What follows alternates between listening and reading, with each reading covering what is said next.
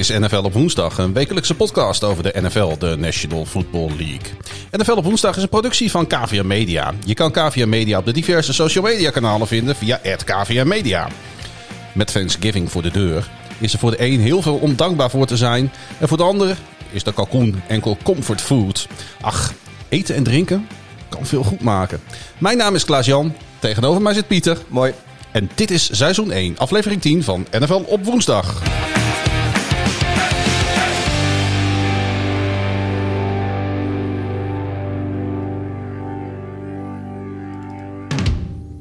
Goedemorgen, goedemiddag, goedenavond, goedenacht. Hallo. Dat is hetzelfde, hè, maar dan korter. Ja, is waar. Ah, wordt het zo'n aflevering? Ja. Eh, Pieter, alles goed? Ja, ik heb, eh, ik heb een uitstekende week achter de rug. eh. Bears niet verloren. nee, ongeslagen dit weekend.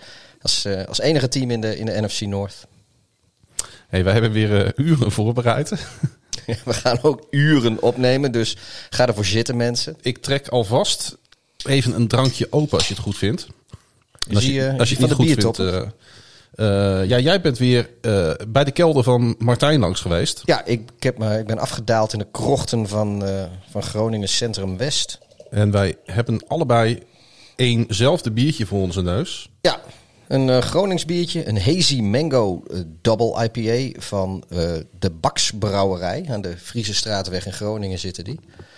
En die, ja, die maken gewoon een, eh, een prima bier eh, over het algemeen. Wel een aanrader trouwens. Hè. Als je een keer in Groningen bent, ga zeker een keer eh, daar kijken naar de Friese Straatweg bij Ja, je kan daar lekker eten, je kan lekker drinken. Ehm, ze hebben ook bier van andere kleine brouwerijen, niet alleen van hunzelf, maar ze hebben zelf ook altijd genoeg, genoeg om te ontdekken.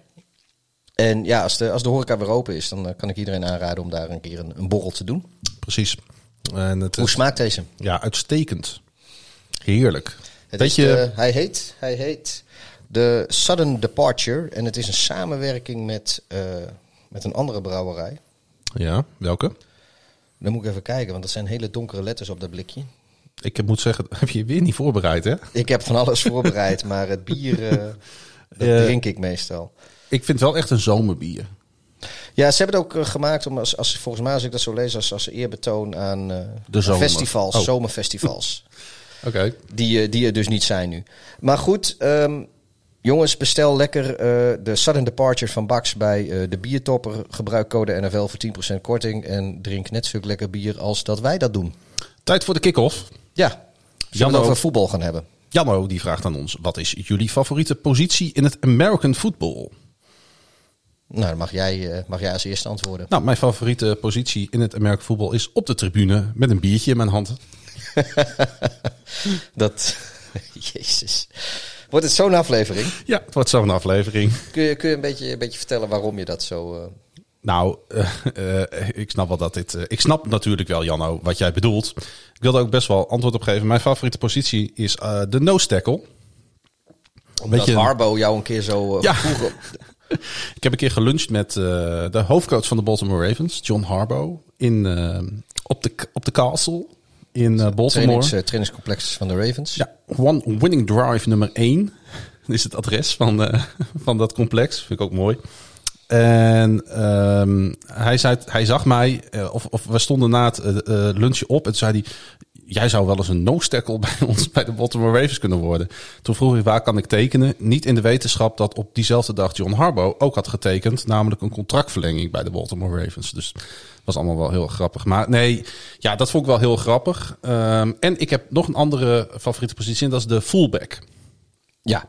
Dat vind ik ook wel een wat onderschatte eh, positie in het American voetbal. Wordt niet meer zoveel gebruikt. Nou ja, eigenlijk is het, eh, eh, als je een, een echte fullback, fullback hebt, dat is natuurlijk een, een uit de kluiten gewassen running back.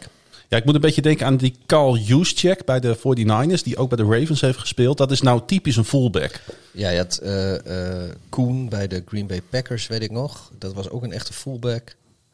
Was, was, was eigenlijk niet eh, Walter Payton eh, er ook niet een? Nee, die was, eh, die was dat. eh, wat, kijk, Of eigenlijk. was is het- dat een nose tackle die af en toe als full tack gebruikt? Nee, nee, hij was, hij was, hij was, hij was gewoon een, een, een, ja, een, een halfback. En me- de meeste running backs zijn halfbacks. Maar kijk, fullback, dat is eigenlijk gewoon de positie. Je hebt een, de quarterback die staat zeg maar op, op een kwart achter Ja. de...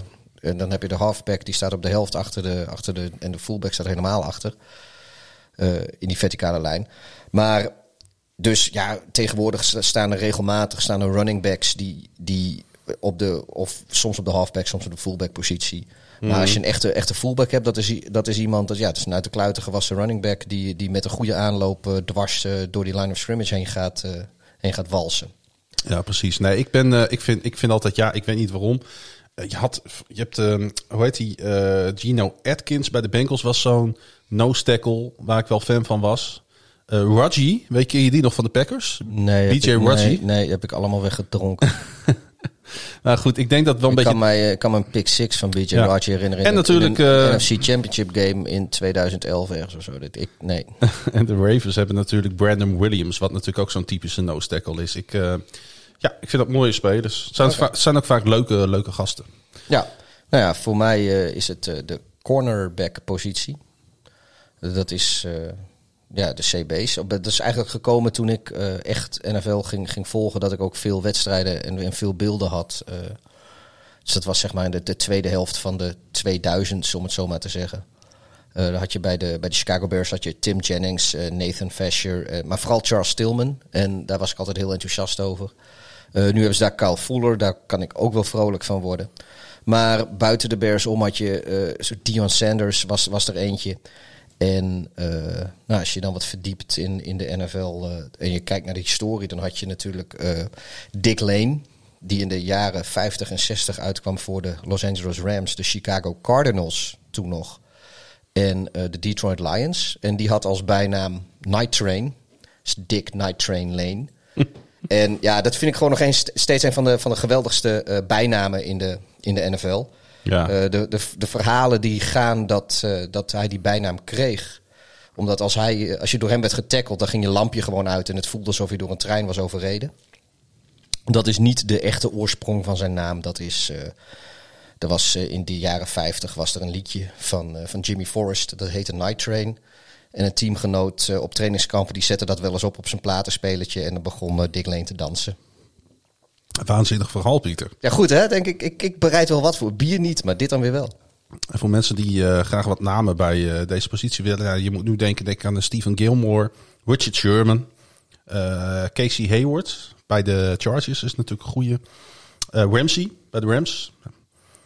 Ja. Lattimore bij de Saints. Ehm, eh, hoe heet die? Byron Jones van de Dolphins. Ja, die, kan nog wel doorgaan. Hè? Ja, en die, eh, die gast van... Marlon Humphrey natuurlijk bij de Ravens. Ehm Marcus En, Peters ook. Tredavious White bij de Bills. Washington voetbalteam, die heeft er ook twee hele goede rondlopen. Ja, en ze worden goed betaald hè, de, de laatste jaren. De Patrick Petersons van de, van de league, zeg maar. Ja, maar dat, eh, eh, er gaat steeds meer. Ja, de, de running game blijft natuurlijk belangrijk. Maar er wordt steeds meer eh, door de lucht eh, gespeeld. Je ziet Ja. ook dat het aantal passing yards toeneemt. Dus receivers worden belangrijker. Dus het verdedigen van de wide receivers wordt ook belangrijker. En dat is nou net eh, weggelegd voor de, voor de cornerbacks. Ja. Ik hoop dat je vraag een beetje beantwoord is, Janno. En anders heb je pech. Raymond, oftewel Raymond, die vraagt... Welk team draft Trevor Lawrence gaat hij eh, een Eli Manning doen... als hij door de Jets wordt gedraft? De J-E-T-S. De Jets, Jets, Jets. Als de Jets de number one pick hebben, welk team gaat optraden dan? Eventueel voor deze speler, oftewel Trevor Lawrence.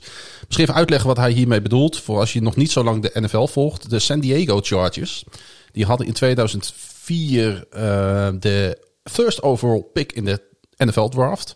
Eli Manning was de favoriet om als eerste te gaan in dat jaar.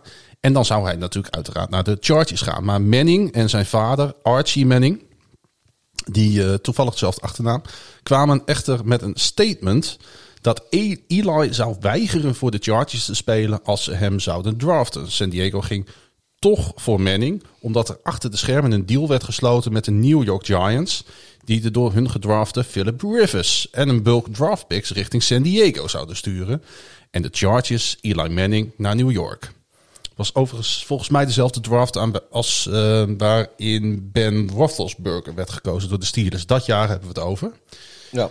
Ehm, dus dat bedoelt hij. Dus, dus als, als de Jets voor eh, Lawrence gaan, wil Lawrence dan wel naar de Jets? Of zitten er dan andere teams op het vinkertouw? Nou ja, we hebben het volgens mij een paar uitzendingen geleden. Heb ik in ieder geval al alles gezegd dat ik eigenlijk hoop dat eh, Trevor Lawrence een, een eh, nou ja, hoe heet dat? Een, Eli Manning of een, of een John Elway doet. John Elway heeft het in het verleden ook gedaan. En ja, dat is gewoon omdat eh, Trevor Lawrence is, is, naar wat iedereen verwacht, echt een, een uniek talent. En de Jets zijn denk ik op dit moment niet de organisatie die eh, passen bij, bij dat talent. Want die zitten gewoon. Ja, weet je, dat, ik, ik heb er gewoon geen vertrouwen in dat, dat, dat zij een organisatie neer gaan zetten waarin het talent van Trevor Lawrence tot wasdom komt. Dus ik hoop dat. Het, eh, hetzelfde wat, wat Archie Manning had met de Ja. Chargers. Op Ja. dat moment een heel slecht team. Zorgde slecht voor hun spelers. Dat was het Ja. verhaal wat toen de ronde ging over de Chargers. Ja, nou, ik, ik weet niet of de Jets per se slecht voor hun spelers zorgen. Maar ik geloof wel dat, dat ze bij de Jets gewoon een, een niet echt een, een, een tight ship runnen qua organisatie. Dat Nee, is best dat is wel, wel duidelijk, ja. En eh, ja, dus in die zin, als ik Trevor Lawrence was, kijk, met, met de verwachtingen die mensen van hem hebben, heb je wel eh, eh, de nodige bargaining chips om, om, wat, om wat te kunnen beginnen. En er komt bij, ja, kijk, ik ga er wel vanuit dat Adam Gase daar volgend jaar niet meer zit. Nee, Eh, dat, het is, ga ik- dat denk ik ook. Dat kan trouwens ook vraag- weer wat veranderen aan de situatie. Of je wel of niet naar een Ja. team wil. Maar De- ik denk de- dat er zo nog ieder- tien andere iedereen- ja, iedereen- teams zijn ja. die hem ook wel willen. Ja, maar dat wordt heel lastig. Maar inderdaad, ik heb, eh, ik heb inderdaad een rijtje gemaakt met teams waarvan ik eh, vind dat ze volgend jaar een, een quarterback zouden moeten draften. Of in ieder geval kunnen draften. Eh dat zijn de Jaguars, de Falcons, de Jets, eh, de Bears, de Vikings, de Washington voetbalteam, de Steelers, de Lions, de Niners en de Buccaneers. En als ik wat langer na ga denken, kan ik me vast nog wel een paar eh, verzinnen. Maar dit, is, dit zijn teams die, ja, die, die nu in principe op jacht gaan, ze gaan naar, een, naar een quarterback, denk ik, in Ja, de afha- 2021 afhankelijk draft. van hoe het uitpakt met onze grote vriend Joe Burrow in Cincinnati. Eh, is het misschien zelfs wel de, eh, de, Er wordt nu al de verwachting uitgesproken dat de Bengals misschien ook weer een nieuwe quarterback nodig hebben. Ja, Of, of, of, of zou je dan, als hij nog een jaar mist, dat jaar overbruggen met een veteraan?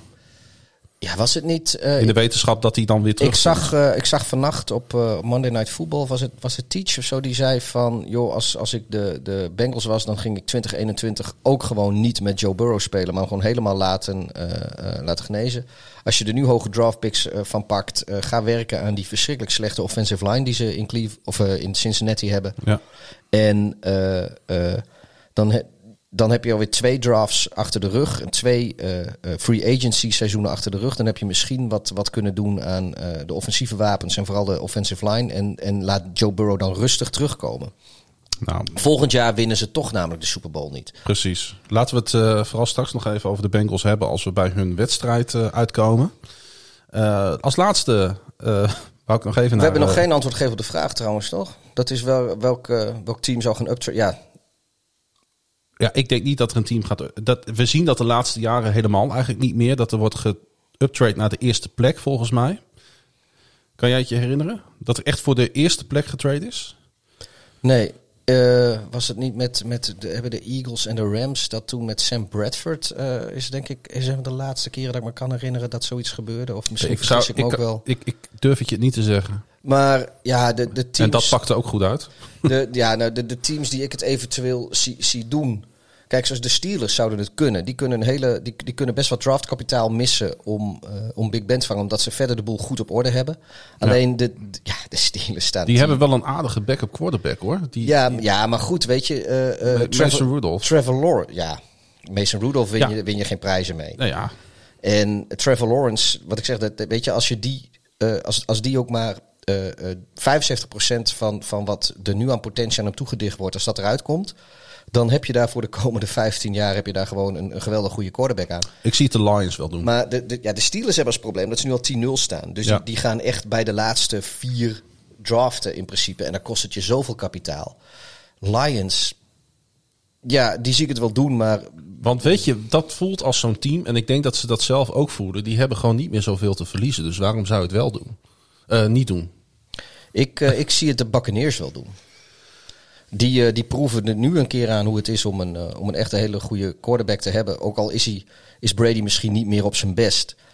Eh, en, en misschien dat daar nu eens wel dat kwartje gaat vallen van luisteren. We kunnen best gewoon wat betalen. Want dan hebben we voor de komende 20 jaar of 15 jaar hebben, we- hebben we zo'n talent kunnen we vastleggen. En misschien winnen we de komende vijf jaar wel niks. Maar daarna hebben we nog tien jaar lang die quarterback. Ja, dat is het vooral van de NFL. Hè? Bouwen, bouwen, bouwen naar de toekomst toe. Ja, en je, je weet het nooit, want kijk, de, de, de Bengals leken goed op weg te zijn Ja. met Joe Burrow. En, en je ziet hoe, hoe vergankelijk het is. Precies. Hey, eh, verder hadden wij het natuurlijk met onze vriend eh, Frank Metsenmakers nog even over de Jersey eh, matchup. Ja, En ik, ik moet zeggen, ik ben niet zo'n jersey fetischist oviel als jullie. Ik vind, weet je wat, ik vind het vooral altijd heel prettig als donker tegen licht speelt. Ik vond bijvoorbeeld de jersey matchup tussen de Rams en de Buccaneers vond ik, eh, vond ik heel fijn om naar te kijken. Ik vind sowieso die donkere tenues van de Bucks vind ik erg mooi. ik, weet je wat ik al als notitie heb staan bij de Rams, bij Buccaneers? Ja. Wie heeft de uniforms van de Rams ontworpen? Stevie Wonder, Andrea Bocelli, Daredevil. Ja, dat, dat, waar, waar de Rams in liepen, dat is echt niet om aan te zien. Dat het is was- een soort crème, lichtbruin, gebroken wit iets. Het was met, verschrikkelijk. Met gele streep op de Maar broek weet die je bijna ik, niet ja, maar ziet. ik ben televisiekijker en ik wil gewoon een duidelijk onderscheid tussen de twee teams. Ja, dat maar vind ik- ik, echt het Ja, belangrijkste. dat is wel belangrijk. Maar ik wil niet een grijzerige nietsheid met een gele streep die onzichtbaar is. En dan, dan zo'n zo'n jellerig glimmend randje om die nummers. Het is, nee, de Wat Rams was- moet echt beter hun best wat was volgens jou Wat is er wel- mis met wit? Ze hadden gewoon in het wit kunnen spelen. Wit met blauw en geel. Ja, Klaar. het was een soort gebroken wit was het, hè? Ja, het was een, een soort grijzerige nietsigheid. Maar wat was wel jouw favoriete jersey matchup van dit weekend? Eh, de Chargers, want die hebben eigenlijk die hebben gewoon geen lelijke eh, uniforms dit, eh, dit seizoen tegen de, tegen de Jets. Ik bedoel, met groen en wit kun je als combinatie kun je eigenlijk al eh, de fout niet in. Waanzinnige kleuren van de Jets. En, eh, Absoluut. en, de, en de Chargers speelden in een uh, powder blue en dat is, ja, dat is gewoon echt zo mooi. Ja, kan ik wel in meegaan. Ehm, volgens mij moeten we eh, ons weer even gereed maken, Pieter. Een slokje, wacht even hoor. De NFL, maar dan snel gaan we doen zeker. Inderdaad. De NFL, maar dan snel. Russell was weer lekker aan de kokkerellen geslagen, maar het was Carlot Hyde die zijn huid duur verkocht. Drake speelde een draak van een wedstrijd en met touchdowns van Metcalf en Lockett was deze wedstrijd rap in de pocket. Joe Burrow is de volgende die geofferd is aan de blessuregod van FedEx Field. Zo'n beetje alle banden scheurden van zijn knie af en eenmaal op de wagen getakeld scheurde Burrow van het veld af. Alex Smith keek nog eens getraumatiseerd naar zijn eigen knie en legde de Bengals er vervolgens over. Terwijl ze iedere dag meer gebroken ribben vinden bij Drew Brees, waait Taysom Hill door de defense van de Falcons als een frisse Breeze. En niet alleen met Ryan was om te cryen, eigenlijk was alles en iedereen bij de Falcons om te huilen. De Rams gingen voor de tweede keer deze maand naar Florida. Maar deze keer namens de W wel mee naar LA. En ook al is hij de 40 ruim gepasseerd, de diepe ballen van Brady moeten nog indalen. Het is een murder of crows en een unkindness of ravens. Bij de Titans waren ze ook behoorlijk unkind en dachten ze, let's murder the ravens. Onder toeziend oog van moederkloek Harbo verdedigden de ravens als kippen zonder kop en rende Derrick Henry als haantje de voorste de endzone in. Het seizoen van de Cowboys leek verloren, maar Andy Dalton zei: Dit is nog niet mijn laatste rodeo. Trouwens, altijd als ik naar de Vikings kijk, baan ik me even op Urk. Fucking Cousins. De Eagles worden slechter met het weekie. Carson Wentz lijkt ook meer shaky shaky. En ze catchen dan ook geen breaky breaky, want tot overmaat van ramp was daar dan tikkie takkie met de tikkie takkie. De Packers leken klaar om in overtime het veld over te steken. Maar door een fumble. In tranen. Cry me a river, zei Philip. Wat is trouwens het verschil tussen Aaron Rodgers en een baby? Een baby stopt een keer met janken. Tua had last van hoogtevrees en was dus waardeloos op Mile High. En Fitzpatrick bracht ook niet de magic, waardoor de Dolphins zich lelijk vergaloppeerden bij de Broncos. Die met een fijne takt in hun dribbelstap in volle draf op de winstaf gingen. Je zou denken dat de Jets, na een weekje vrij af te hebben gehad, fijn opgeladen aan deze wedstrijd zouden beginnen. Maar natuurlijk is niemand zo opgeladen als de Chargers. En na de tiende nederlaag dit seizoen is voor de Jets de batterij alweer leeg. De Lions scoorden deze week net zoveel punten als de Niners, de Giants, de Bears en de Bills samen. Helaas hadden deze teams een bye. Het katachtige onderonsje met de Panthers werd nogal poezelig aangevlogen. In Charlotte zijn ze even allurofiel, in Detroit allurofoob. Vive la République, riepen de Patriotten. Vive de Sean Watson, riepen de Texanen. En zo was het weer eens oorlog tussen het zuiden en het noorden. Maar Schalk Watson maakte met generaal J.J. Watt gehakt van de Patriotten uit het noorden. En voor tenminste één week mag de overwinning gevierd worden. De oorlog duurde in Houston nog wel even voort. De wedstrijd tussen de Steelers en de Jaguars kende eigenlijk geen winnaars. Het was nauwelijks de moeite je tv ervoor aan te zetten. De enige echte winnaar was de serveerster uit Duval County... die door Ben Roethlisberger werd meegenomen in de kofferbak van het teamvliegtuig. Of was ze ook verliezen? De Chiefs verbleven dit weekend in het Venetian Hotel in Las Vegas. Mahomes maakte een tochtje in een gondel met Andy Reid. De gondel sloeg om, maar lenig als Kermit de Kikker sprong Mahomes het San Marco-plein op. Het was wel het meest enerverende dat het Chiefs meemaakte dit weekend. Want er werd weer gewoon gewonnen van de Raiders dit keer. Die misplaatst op zichzelf hadden ingezet. Goed, dat was hij weer. Ja, het is echt... We hebben iedere onszelf week, eh, eh, weer, ehm, Dat is lastig hoor, jongens, dit. weer ehm, ja, hoe moet ik het zeggen? O, over, ondertroffen? Ondertroffen, ja. Ja, volgens mij stopt, eh, stopt de helft van de luisteraars, die stopt er ook al mee van, nou, dit was de podcast, beter wordt het niet. Nee, absoluut niet. Want eh, we gaan namelijk naar Monday Night Football. De Los Angeles Rams en de Tampa Bay Buccaneers. Oh, ik heb de uitslag er weer niet bijgezet, maar die wist ik nog.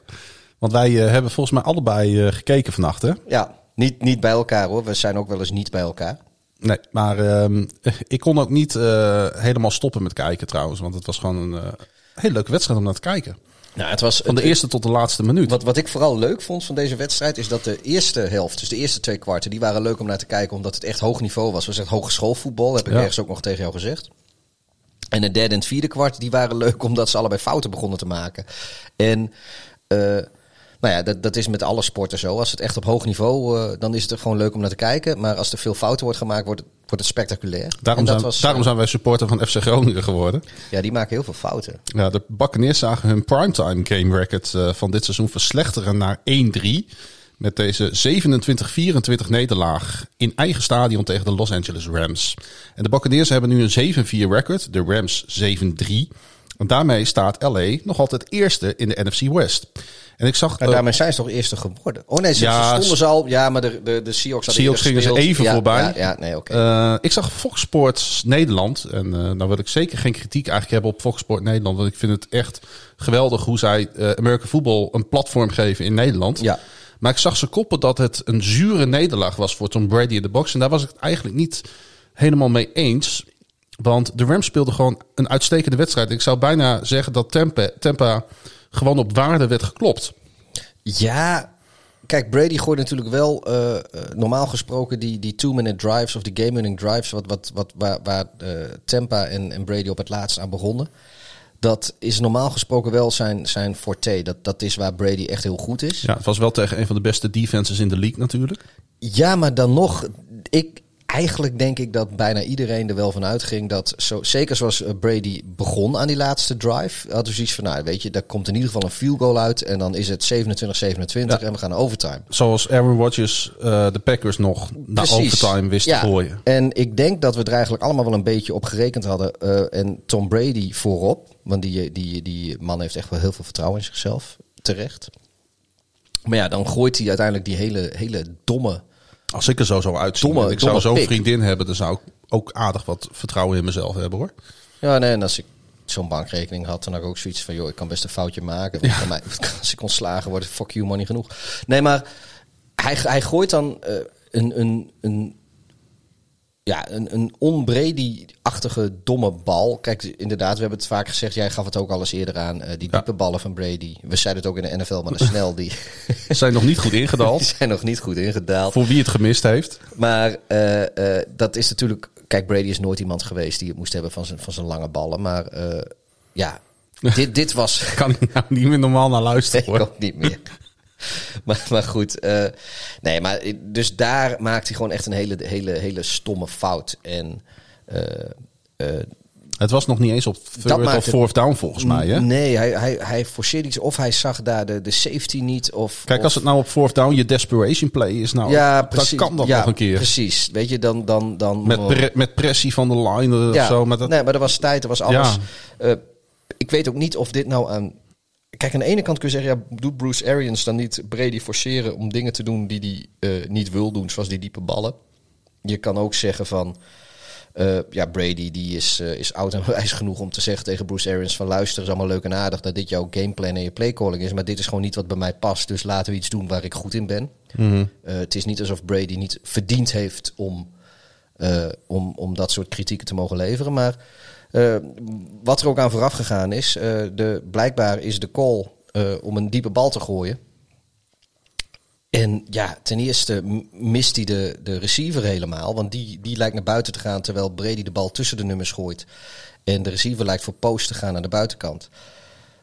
Verder lijkt Brady daar een, een safety helemaal te missen. Die juist naar, van linksaf in het veld naar, naar het midden toe gaat. Die dus ja, moederziel alleen eigenlijk die, die, die interceptie. Het, het zag er echt heel dom Ja, uit. Kijk, je speelt natuurlijk tegen een achterstand. En dat betekent dat de verdediging al zijn mannetjes wat dieper zet. Ja, nee, dat klopt. Dus die safety die staat daar dan bij dat soort plays. Ja, maar dit is iets wat je, wat je ziet bij, weet ik veel, Sam Darnold of zo. Niet bij, Mm. eh, of misschien zelfs ook bij, bij rookies als, als Burrow of Herbert, die, die dit soort, eh, niet bij Tom Brady.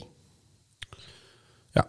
ja en, ik- en dat, dus in die zin is het denk ik wel zuur. Eigenlijk, ik denk dat we allemaal, de mensen die die wedstrijd zaten te kijken in elk geval, eh, dat we eigenlijk allemaal een beetje ons hadden voorbereid op een verlenging. En in die zin is het wel zuur. ik zal het je eerlijk zeggen, ik hoop er zo van niet. Hè, want ik had eh, hier ik had gekeken in de, in, de, in de woonkamer. Op een gegeven moment ben ik naar boven gegaan tijdens het vierde kwart. En ik was zo moe. Ik viel bijna in slaap. Ik denk, oh, als dit verlenging wordt, dan zet ik hem uit. En dan ga ik morgen verder kijken. ja, gelijk heb Nou, je. dat was dan wel weer fijn. Maar de Rams wonnen vorige week natuurlijk al een sleutelwedstrijd tegen divisiegenoot Seattle. En ehm, die blijven toch wel imponeren hoor. Ik zou bijna willen zeggen, de weg naar de, eh, ja, de, de, west, de weg naar de divisiewinst ligt wat dat betreft helemaal open. Eh, misschien zelfs wel naar de conference titel. Maar LA heeft een van de zwaarste schema's in de NFL. Met onder andere nog twee wedstrijden tegen de Arizona Cardinals. En een rematch tegen de Seahawks in Seattle.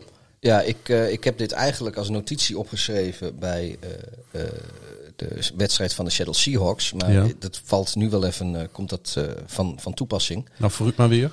De Seattle Seahawks die spelen de komende vier wedstrijden tegen de Eagles, de Giants, de Jets en de Washington voetbalteam. Ja, de Seattle heeft inderdaad een, eh, een soft spot in Ja. het schema de komende week. daarna moeten ze nog een keer tegen de Niners. En eh, dat is de laatste wedstrijd. En daarvoor nog een keer tegen de Rams. Dus eh, gezien het programma wat de Rams hebben en het programma wat Seattle heeft, zou ik haast willen zeggen dat Seattle heeft alles in eigen hand. Want die zijn het aan zichzelf verplicht om de komende vier wedstrijden eigenlijk te winnen. Ja. Daarna mogen ze tegen de Rams voor onderling. Nou ja, als Seattle die wedstrijd ook wint, dan, dan, dan is het gewoon klaar. Ja, het is een beetje sportpsychologie van de koude grond. Maar als de Rams op één volgend weten te winnen van Seattle en Tampa, dan kunnen ze ook een win-out doen, wat mij betreft hoor. Die zijn echt heel sterk. Ja, ja nou ja, goed, we, we gaan het En ik zien. vind het bijvoorbeeld als je de, de, de Rams en de Cardinals naast elkaar zet, dan schat ik de Rams nog een klein stukje hoger in. Ik vind de Cardinals nog iets, eh, iets, iets minder consistent. Nou ja, goed, hoe dan ook. eh, eh, spannend gaat het in ieder geval wel worden in die divisie. En die onderlinge wedstrijden, dat Ja. hebben we laatst ook weer gezien. Die zijn echt de moeite Ja. waard om Ja. de televisie vooraan te En, en zetten. wat natuurlijk leuk is, is dat eh, wat de Rams ook doen de komende vier wedstrijden. eh Seattle heeft alle kans om de drukker volop te houden. En dat is ook gewoon leuk. Ja, het was echt een wedstrijd die aanvallend gezien werd gedomineerd door de paas. Jared Goff noteerde 39 uit 51. Hij mocht 51 eh, pogingen doen. Voor 376 yards, drie touchdowns, maar ook twee intercepties. Is een beetje inherent, denk ik, aan hoe de wedstrijd gespeeld werd. Daarnaast had Goff regelmatig moeite met het managen van de playclock. En de D eh, hield zich toch heel aardig staande hoor tegen de high-powered offense van de Bucks. Die ze op eh 251 totale yards en 42 rushing yards hielden. Dus ik vind eigenlijk de overwinning van de Rams, ondanks dat het verschil in punten klein was, toch wel meer dan terecht. Ja, Ik vind, ik, wat ik net al zei, ik vind eigenlijk dan met die kop van een zure nederlaag voor Brady, dat je met die kop de Rams wat tekort doet. Winnen op Monday Night in, in Tampa, wat Tom Brady heeft. Ik vind Ja, het echt een hele goede prestatie. ja, nee, ja ik, ik, ik, snap, ik snap dat je dat zo, eh, zo ziet. Ik wil eerder ik denk alleen dat het kop- uitgangspunt ja, dat, eh, dat- is, is voor mij niet Tampa eh, achteraf, maar toch echt de Rams. Nou, ik, ik denk dat, dat degene die die kop gemaakt heeft, die had als uitgangspunt volgens mij dat, en dat had ik dus ook, dat Tom Brady alles in, zich in zich heeft. Niet alleen Tom Brady, de hele Buccaneers natuurlijk, om er in elk geval een verlenging uit te slepen. En nou ja, heel misschien wel meer, maar in elk geval die verlenging. En eh, dat eindigde heel abrupt. En dat is zuur. En dat vind ik eigenlijk ook. Die, die wedstrijd was leuk om te zien. Dus de eerste helft, wat we zeiden, was, was hogeschool. Tweede helft veel fouten. En het eindigt dan ook met een fout. Dat, dat is wel, wel typerend. Maar eigenlijk vind ik, had de wedstrijd misschien wel een wat leuker een, een mindere anticlimax einde verdient. Hmm. In, in plaats van een anticlimax een echt climax. En in die zin snap ik wel. eh, Ja. Ik, eh, ik zag trouwens dat eh, wat me opviel, deze wedstrijd, is eh, behalve dan die dubbele paas van Brady, maar daar gaan we het denk ik nog even over hebben. Die wil ik nog even benoemen zo, ja. Maar ehm, wat mij opviel is dat er hoeveel spelers er eigenlijk zijn die in hun wild enthousiasme over hoe een play loopt helemaal vergeten wat de regels eigenlijk zijn. Er was in deze wedstrijd was een moment in het vierde kwart was dat volgens mij. En de, de Rams die punten. En eh, er is een, eh, een, een speler van, van eh, de Rams dan die die punt aanraakt. Ja, ik zag het. Vervolgens is er een speler van de Buccaneers die die punt wil fielden, want hij is aangeraakt, dus hij, hij kan er alles mee doen wat hij wil. Ja. Die, die vangt die bal niet, dus die laat hem ook weer los. En vervolgens duiken er weet ik hoeveel Rams-spelers op die bal. En die pakken hem ook. En dan staat die hele zijlijn van, van de Rams, die staan te wijzen en te doen en te juichen. En, want die denken, het is een muffed punt. En wij hebben de bal vlak voor de endzone van de Buccaneers. Maar de bal moet op de spot eh, worden neergelegd waar de bal oorspronkelijk als, eerste is het kick- aangeraakt, toch? Als het kicking team, als een speler van het kicking team die bal als eerste heeft aangeraakt, kun je als receiving team nooit meer de punt maffen. Nee, precies. Nooit. Dan, dan heb je een free play. Want je kan proberen wat je wil om die bal eh, eh, zeg maar terug te lopen zover je kan. Mhm. En stel dat je een touchdown loopt, dan is het prima. En anders is het aanraken van die bal een penalty. Nou, ik moet wel Dus zeggen... alles wat eruit komt, als, als je stelt dat je hem terugloopt voor een touchdown, dan decline je de penalty. Ja. En als, als het, nou ja, wat er nu dan gebeurde, nou ja, dan accepteer je die penalty en is er niks aan. Maar kijk, dat die spelers dat proberen op het veld, snap ik. Maar dat die hele zijlijn, die hele zijlijn, daar, daar compleet los staat te gaan met high fives en wijzen en gillen en springen en doen. Ja, dan denk ik wel van, joh, je, wat voor spel hebben jullie de regels van geleerd? Nou ja, eh, wat dat betreft is special teams natuurlijk echt een vak apart. We hebben het natuurlijk eerder dit seizoen gezien met die watermelon eh, onside kick.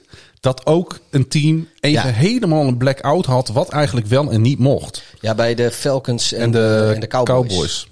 Dus je ziet het inderdaad wel vaker. En er was inderdaad die opvallende... Ja, maar dat, is, dat, was, dat was gewoon dom. Dat zijn spelers op het veld die niet gaan voor een bal. Nee, ik, je hebt, ik snap en, het. en hier Ja. gaan de spelers op het veld, die gaan gewoon voor een bal. Dat, is, dat moet je doen als, als speler binnen de lijnen. Maar dan de coaches en, en iedereen aan de zijlijn, die moet toch wel zoiets ja. hebben van... Ja, jongens, leuk dat je het doet. Wat maar- ik dan wel weer mooi vond, is dat gewoon die zebra heel rustig zei. En dat was Boker volgens mij.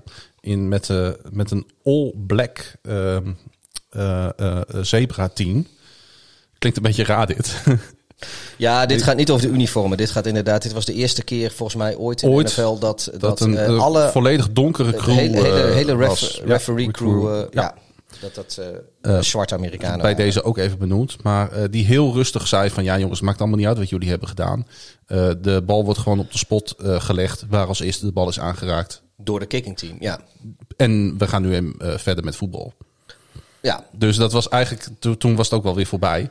Maar er was een nog veel opvallender moment in het vierde en kwart. dat is de dubbele paas van Brady. Vertel. Brady in één play twee passes complementeerde en er ook nog één ving. Dan zeg je, hè, hoe kan dat? Dat is dus een illegal pass, voor de duidelijkheid. Dat is een penalty. Maar de Rams declineden de penalty. En daardoor eh, kwam er dus een officiële play description. En een officieel kwam dat ook in de statistieken van de wedstrijd te staan. Eh, er stond Tom Brady pass short middle to Tom Brady voor min 9 yards. Ik vond het een waanzinnige play description. Ik denk, die moet ik, die moet ik even noemen. Eh, zo kreeg de quarterback de credits voor een 6-yard pass op een illegal forward pass. En kwam hij ook in de statistieken met een negatieve 9-yard reception. Ja, dat gaat van zijn... eh dat is lullig als je fantasy speelt, want dat is bijna een volle Ja. fantasy punt. Dus nou ja, ik dacht, dit, dit is iets wat natuurlijk zelden voorkomt. Maar ook dit was weer raar, Pieter. Want Tom Brady moet toch weten dat je niet nog Nee, een ja. keer... Dat Nou je ja, niet dat- twee keer in één play een bal mag gooien. Kijk, hij was eerder dit seizoen was je al een keer kwijt hoeveel downs je eigenlijk Ja. hebt. Want toen eh, wilde hij voor de vijfde down gaan. Want toen en die- nu, eh, nu had hij zoiets van, ja, twee forward passes in dezelfde play, eh, waarom niet? Ja, Het ziet er leuk uit. Het is ook, wat ik wel knap vond, is dat die tweede pass er nog gewoon aankwam. ja die kwam aan. Vlak, Dat- ook nog vlak voor de marker. Ja, dat, dat, dat was, hij, hij bobbelde wel wat... Hij bobbelde wel wat in de lucht, maar het, ik vond het echt heel knap. Want wat hij wel had mogen doen, hij had natuurlijk die Wel tweede keer hij gewoon mogen gaan rennen met de bal. Ja, Tom Brady en rennen met de bal. Ja, oké. Maar eh, ja, dat had, want dat hebben we namelijk een keer gezien bij, eh, eh, god weet Marcus Mariota tegen de Chiefs Ja. in de playoffs met de Titans. En toen rende die zelf nog die, die, touchdown die, gooi- die, gooide, die wilde een touchdown pass gooien, maar die werd vlak voor de endzone werd hij geblokt door een, door een verdediger van de Chiefs. En die bal die valt zo weer in de handen van Mariota voordat hij op de grond geweest is. Dus Mariota die loopt gewoon met die bal eh, eh, de endzone in voor een touchdown. En die staat dan in de boeken als een paas op zichzelf. Ja, dat is een, was een waanzinnig moment was dat inderdaad. Ja, en volgens mij. Was is- dat niet, dat was in een play-off Dat was play-off. Dat was play-off, ja, Ja. ja. En eh, zo is het ook volgens mij. eh, ehm, New York Jets legende Brad Favre, die zijn allereerste pass in de NFL was volgens mij een completion op zichzelf. Namens eh, de Falcons trouwens, die hebben hem gedraft. Eh, de, moet ik even terug, maar volgens mij was zijn allereerste pass. Ik weet niet of hij toen nog voor de Falcons speelde of dat hij toen al naar eh, Green Bay gegaan was. Maar volgens mij zijn allereerste completion in de NFL was op zichzelf. Dat was ook een soortgelijke situatie. Goed. Ehm, en zeg je Tampa Bay, dan zeg je automa- automatisch ook New Orleans Saints. Volgens mij. Ja, ze zitten in ieder geval wel bij elkaar in de divisie.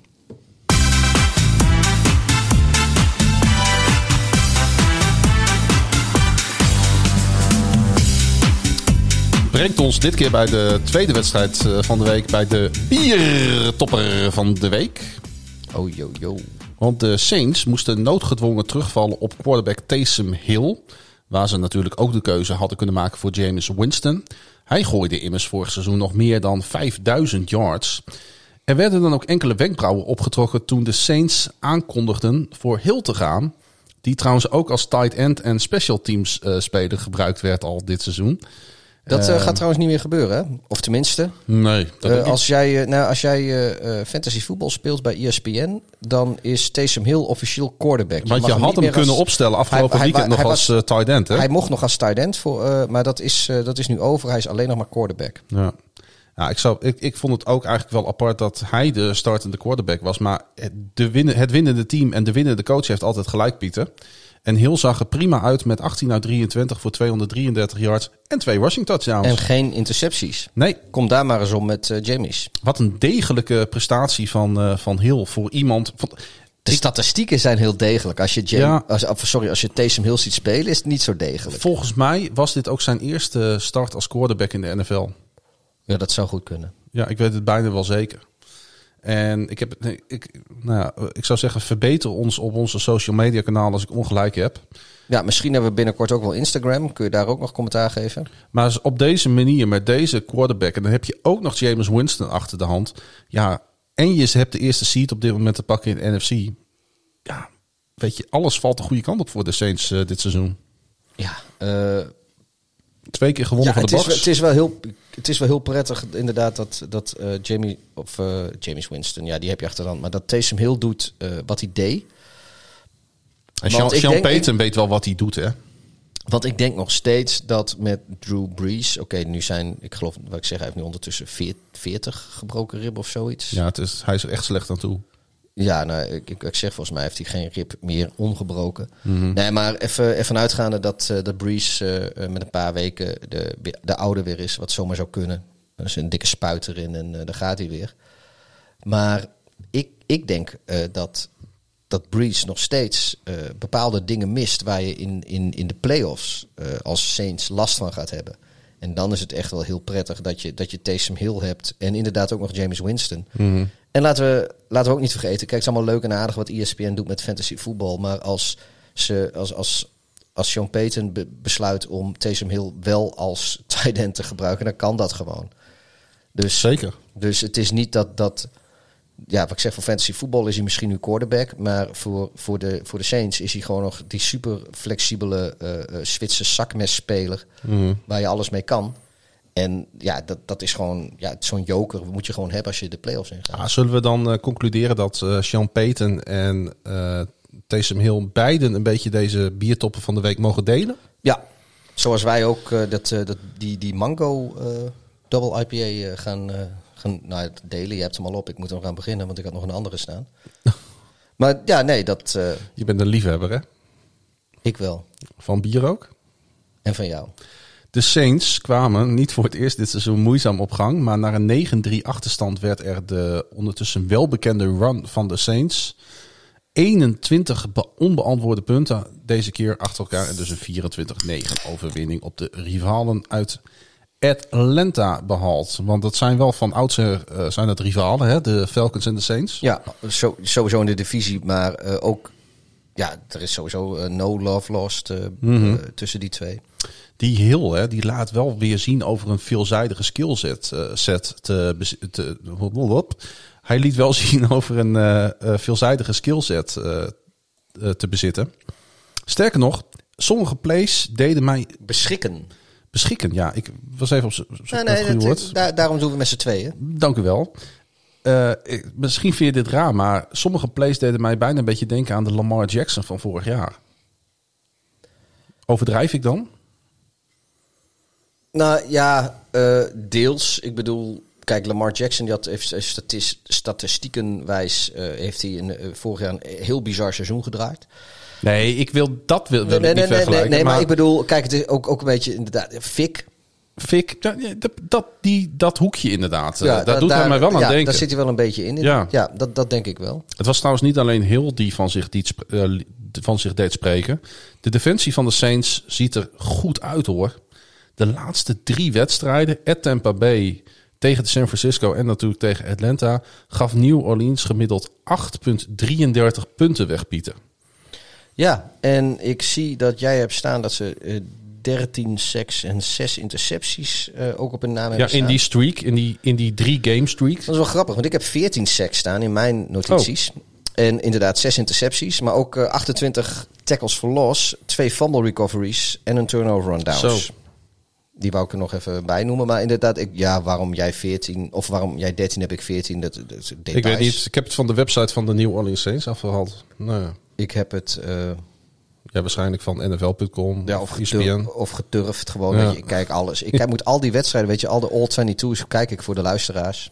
Moet eigenlijk niet eh, Dennis Allen dan ook een beetje meedelen in de biertoppen van de week eh, feestvreugde? Nee, want dit was tegen Atlanta en die andere was tegen San Francisco, waar eigenlijk niemand meedeed. Dus, dus Tampa was indruk, dat was indrukwekkend. Mhm. En ja, Maar zo'n goede defense is natuurlijk wel wat, eh, wat de Saints op dit moment nodig hebben. Als je een nieuwe quarterback on the center eh, hebt staan, eh, dan hoef je met als, als de defense goed is, hoef je niet een hele agressieve offense te spelen. nee, dan moet je, wat we wel... Dan kun je ja, lekker rennen met de bal. Kijk, we- we je kunt het- punten ja. wanneer je geen onnodige risico's wil nemen, want je weet dat de verdediging de wedstrijd voor je kan winnen. Als je een hele goede defense hebt, dan is een gemiddelde offense genoeg. Dat is het, het verhaal wat we iedere week wel eens een keer Ja. deze podcast. En de Saints laten week, dat weer zien. Deze week Ja. wil ik het er niet over hebben. Maar dat is wel zo. En, en ja, dat blijkt ook. Kijk, Taysom Hill op zichzelf is denk ik ook geen Super Bowl winnende quarterback.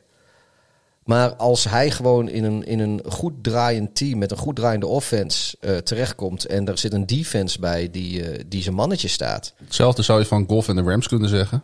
Ja? Ja, nou ja, ja dat is inderdaad. eh, ik, ja, daar hebben we die discussie hebben we eerder gehad. Nee, maar om, om, Ja, ook dat zijn teams die kunnen dus een Super Bowl winnen met een ja ik, gemiddelde quarterback. Ik- Ja, ik, of een backup ja, ik- quarterback. ja, ik vind Goff geen, geen geweldige quarterback. Ik vind Goff is ook een beetje het product van het geweldige systeem wat McVay en de, en de Rams eh, spelen. Mhm. En eh, ik denk dat, dat je de, bijna de helft van de, nou is meer dan de helft van de, van de NFL quarterbacks, misschien wel 20 van de starter de 32, die kunnen bij de Rams presteren wat Goff ook doet. Oké. Maar hoop- dat is, dat is een andere wedstrijd, daar hebben we nu niet over. Nee, want de hoop van de Falcons om nog in de postseason mix terecht te komen, die was natuurlijk al, dat was natuurlijk al een long shot. Maar met het zwaarste schema in de NFL nog eh, voor zich, werd die hoop begraven tezamen met een lawine aan seks die Matt Ryan te verwerken kreeg. Oh, dat ik een uh, lawine seks te verwerken kreeg. Ja, ja ik, ik sta ook een beetje droog. Maar, eh, dus ik trek nog even een pilsje open. Doe dat. hey, maar eh Jorg Doornbos op Twitter, die, eh, Ah, vaste volger en vriend. die zegt... eh, maar Oh nee, we hebben geen vrienden, sorry. Nee, maar liefst 9 sacks, 2 intercepties eh, in één wedstrijd. En nou, dan, hij zegt Alex Smith, maar hij bedoelt Matt Ryan, denk ik. Eh, nog blijft Matt Ryan staan. Hoe slecht moet die backup quarterback dan wel niet zijn bij de Falcons? Nou, ik, ja, volgens mij had, ja, of nou acht of negen sacks zijn geweest, dat weet ik niet. Maar in ieder geval veel te veel. Ik weet niet wie de backup is bij, eh, bij de Falcons. Dat heb ik dan weer niet voorbereid. Maar ik, het ligt toch niet aan Matt Ryan? Laten Absoluut we eerlijk niet. zijn. Het ligt aan die offensive line van de Falcons. Ik denk dat dat niet zo moeilijk... Ja, ik snap... Ik weet niet... Ja, maar ook aan de, de, de play calling, de game planning. Weet je, alles bij Atlanta is suspect. Ik, Ik ken natuurlijk Jorg niet zo goed. En ik weet niet hoe lang Jorg al eh, American Football volgt. En ook, ik weet ook niet hoe lang die de Falcons volgt. Maar Matt Ryan is, eh, met, met, staat in de, in de top van de NFL als het om passing yards gaat. Ondanks die zwakke offensive ja, line er zit natuurlijk, zit natuurlijk ook een deel garbage. Maar dat maakt niet uit, weet je. Met, maar, En de Saints nee, zijn nee, maar- echt voor iedereen nee, een hele moeilijke ja, tegenstander. en- nee, maar weet je, nu, je het kan is nu trouwens Matt Schaub. die ken ik ergens van. Ja. Oh, ja, die heeft bij de Texans gespeeld. Zeker. Ehm, nee, maar kijk, Ryan, die, je kan nu wel zeggen van ja, al die yards, dat komt, eh, eh, dat is, eh, dat is garbage yards, bla bla bla bla. Daar, daar geloof ik niet in, want, want ook de, de, toen de Falcons wel goed waren, ze hebben ook de Super Bowl gehaald een aantal jaar geleden. Nee, ik snap de opmerking Kun- van, eh, van Jorg wel op basis van deze wedstrijd. Maar eh, hoe wij over het algemeen naar spelers en naar quarterbacks kijken... is niet op basis van één wedstrijd, maar is over een heel seizoen... of over eh, zelfs meerdere seizoenen. Hè, we zouden nou bijvoorbeeld namelijk op basis van dit seizoen... zouden we Lamar Jackson ook kunnen afvikken. Maar we weten allemaal hoe die vorig jaar gespeeld heeft. We weten allemaal dat het talent erin zit. Dat de potentie erin zit. Dus soms moet je het in een brede kader bekijken... dan Ja. alleen één wedstrijd. Nee, maar goed, maar ja, Dus dat zou ik Jorg eigenlijk willen aanraden om dat, om dat te doen. ja eh, ik denk wel dat, kijk, dat is ook logisch je kijkt naar de jaren, naar de dienstjaren, maar eh, Ryan heeft denk ik wel zijn langste tijd gehad in de NFL natuurlijk. Ja. Maar laten we nou niet doen alsof Ryan, eh Matt Ryan, als, als daar weer een, een beetje fatsoenlijk om wordt. En er is een defense die niet echt alles weggeeft wat je maar weg kan geven. En er is een O-line die hem een beetje tijd geeft. Dan kan. Dat Ryan, van met, met, Matt Ryan, met, ik heb met, nog met steeds- Ryan kun je gewoon een Super Bowl halen en winnen. hij ziet er nog steeds uit alsof hij een jochie van 21 is. Ja, ik zie ja. aan hem niet dat hij ouder wordt. Wat je aan een Joe Flacco, want Zijn- eh, zijn die is in hetzelfde ja, jaar gedraft. Het is 2007 toch of zo? Ja, hetzelfde jaar als Flacco. Ja, en, 2007. en die is echt oud aan het worden. Ja. Ook als je naar zijn gezicht kijkt. Ook als je naar zijn eh, spelsnelheid kijkt. Matt Ryan, ja, ik vind hem echt... Terwijl, terwijl als er. Ik heb het idee dat Matt Ryan nog vijf jaar door kan. Als er- Minimaal. Als er verdomme één quarterback in de NFL is die, die ondertussen grijze haren eh, op zijn op zijn kont mag hebben, dan is het met Ryan wel. Ik bedoel, wat, wat ja, maar met, met zijn talent en, en de, nou ja, ik weet niet, op zijn hoofd heeft hij ze in elk geval niet. Maar ja, met, met, met zijn talent en wat hij ieder se- seizoen. Met de teleurstellingen zien, die die heeft de- de- moeten- ja, ja. Ik, ik, ja ik, ik snap niet dat hij er nog zo jong uitziet. Ik zou er, ik zou er al lang verlept uitgezien hebben. En Het aan de drank. het was wel een beetje. Het was wel een beetje treurig, want er was op een gegeven moment een moment in het vierde kwart dat de Falcons op min 4 yards stonden. Ja, Het vierde kwart ook al. Ja. ja. en dat is niet best. Ehm, volgende wedstrijd, Pieter. Jee. De Detroit Lions speelden eh, namelijk bij de Carolina Panthers. En dat werd 0-20. Je ziet het toch niet zo heel vaak hè, in de NFL dat, eh, dat er een, eh een shutout is. Nee. Het is Het was best wel een bijzondere wedstrijd. Want, een totale eh, wanvertoning van Detroit. Ja, oké, oké. Nou ja, ik heb nog wel eh, wat leverage voor de, voor de Lions. Ga ik zo even benoemen. Maar Nee, maar nul red zone trips, gewoon nul. ik wou toch even beginnen met... Weet je hoe moe- dat- Nee, dat is ook zo. Maar ik wou eigenlijk even beginnen met, Oké, doe- doe met de Panthers. even- ja. Nee, dat mag... Nou ja, Nee, nee, vertel, want dan eh, neem ik even een slokje. ja, goed idee. Ehm, Teddy Bridgewater was namelijk volgens de teamdoktoren eh, fit om te spelen. Of in ieder geval fit genoeg om te spelen. Maar Carolina Panthers koos Matt Rule koos verrassend voor de backup quarterback. Namelijk voormalig XFL-ster P.G. Walker. eh, die daarmee zijn eerste basisplaats in de NFL verdiende. Voordat de coronapandemie een eind maakte aan het XFL-seizoen... gooide Walker de Houston Roughnecks. Ken je ze nog, Pieter? Ja. Dat was niet mijn favoriete team. Mijn favoriete team was een andere. Ja, eh, ik weet het niet meer. Er was één. Iets met een ingewikkeld zwaard of zo. Volgens mij ging ik voor St. Louis.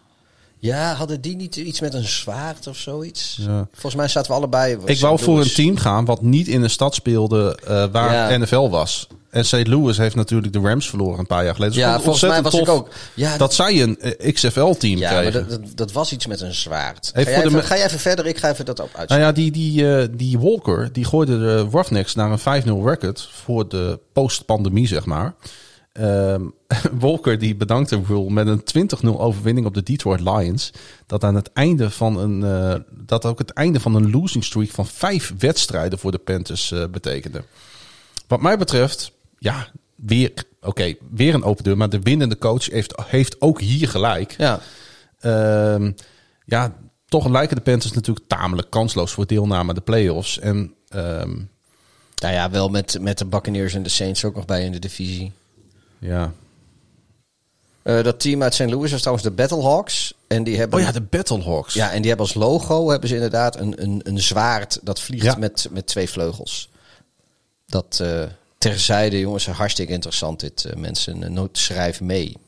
Ja, eh, weet je trouwens dat Rule en Walker elkaar kennen uit hun periode bij Temple? Dat is een college, toch? Ja, daar was Walker starter van 2013 tot 2017 en Rule was de coach. Dus dat maakt het al wat minder verrassend natuurlijk dat Rule hiervoor eh deze, ja, ik denk voor heel veel mensen toch onbekende quarterback ging. Hij noteerde overigens eh 24 uit 34 voor 258 yards en een touchdown. Hij gooide ook twee intercepties, maar die intercepties waren in de red zone. En ja, daar deden de Lions dus helemaal niks mee. Ehm, en jij wou het al even hebben over de Lions, want die hadden helemaal niets in de melk te brokkelen, Pieter. Ja, nee, ik, weet je, het is gewoon... Ja, ik, ik heb heel vaak al geroepen van eh, winnen in de NFL is niet makkelijk. eh, verliezen in de NFL is niet zo moeilijk. Dat ben, Maar wat wel moeilijk is, is om een hele wedstrijd lang nooit in de red zone te komen. En kijk, als je nou bewust probeert te tanken of bewust probeert te verliezen, dan snap ik dat nog. Maar de Lions, die hadden natuurlijk gewoon... eh, ja, die als, als, volgens mij hadden zij ook op 5-5 kunnen komen Ja, klopt. bij winst. En weet je, zo, zolang je niet uitgeschakeld bent, doe je mee. Eh, de Bears hadden een bye week, die staan op 5-5. Eh, de Vikings eh, hebben uiteindelijk verloren. Stonden ook op 4-5. Eh, anders waren die op 5-5 gekomen. Ja. Ehm, maar in principe, stel dat, dat het, het, als de Lions hadden gewonnen, was het slechtste scenario voor ze geweest dat de Bears, de Vikings en de Lions alle drie op 5-5 stonden. Nu hadden ze, hebben de, de Vikings zelfs verloren. En de Packers uiteindelijk ook nog. Ik bedoel, dan, dan pak je gewoon een wet. En ja, dan kun je wel zeggen van ja, het is allemaal lastig en niet te doen. Dat is bullshit. Het is gewoon, gewoon sport. Eh, Voor hetzelfde geld breekt Aaron Rodgers volgende week zijn sleutelbeen. En win- wint Green Bay de rest van het seizoen geen wedstrijd meer. Ja. Eh, ik, ik snap, kijk, de Lions die zijn niet aan het tanken. Want die worden ook geen laatste meer.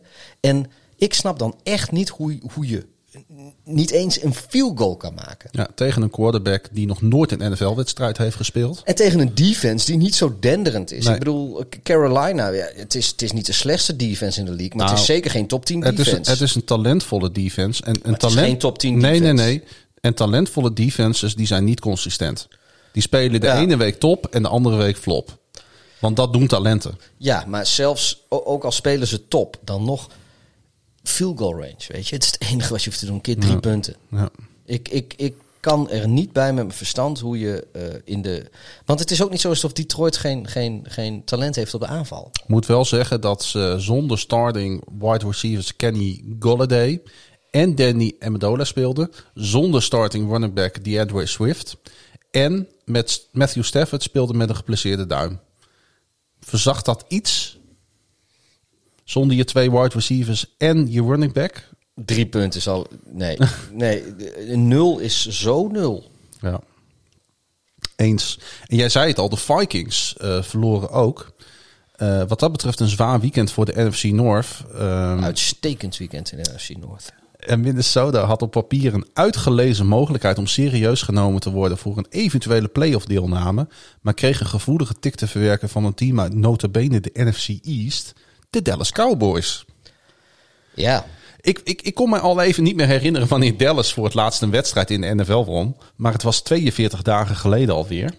Eh, de Cowboys maakten afgelopen zondag een einde aan een losing streak van vier wedstrijden, wonnen voor het eerst dit seizoen een uitwedstrijd en zijn weer helemaal terug in de race om de NFC East. met drie overwinningen. Ja, met nog zes wedstrijden te gaan. Een 3-7 record inderdaad. Eh, het, helpt, het helpt dan wellicht toch wel weer dat er, er een ervaren quarterback op het veld stond in Andy Dalton. Die weer terug is van een hersenschudding.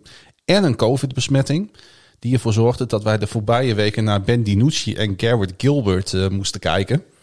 Ja, weet je, ik, ik, iedere week gebeuren in de NFL wel, wel, gebeurt er wel iets waarvan je denkt van, nou, ik nooit zien aankomen. Dit was er een, hè? En dat de, de, de Cowboys bij de Vikings zouden winnen.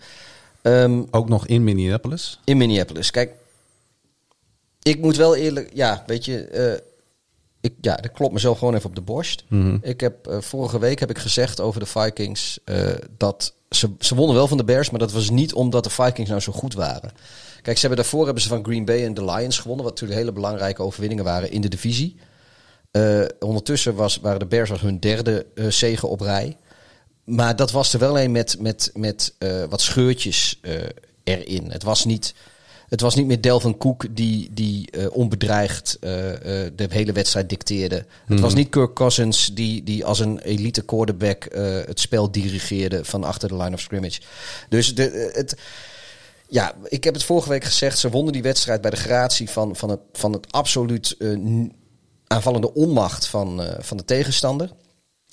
En nu had ik nog steeds gedacht dat ze ondanks dat gewoon van de Cowboys zouden winnen. Maar ik denk wel dat nu... Er is nu wel een beetje aangetoond dat, dat die Vikings die, die, ja, als de die, drie, die drie game winning streak die ze hadden Ja. die is niet zo krachtig als dat mensen wel dachten even, denk ik. Anders word je niet op deze manier in eigen huis door de Cowboys aan de kant gezet. Nou, als de running game van de Vikings niet loopt, dan zijn ze gewoon een heel middelmatig team. Ja, maar de, de Cowboys hadden de absoluut... De, hadden een verschrikkelijk slechte defense. Zowel door de lucht als over de grond. Ja.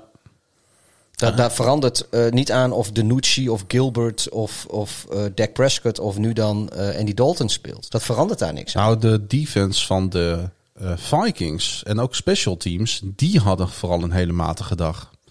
Ja, Want het is niet zo natuurlijk dat de Vikings geen punten op het bord hebben getoverd. Maar als jouw defense 31 punten weggeeft, ja, dan wordt het natuurlijk al heel lastig, hè?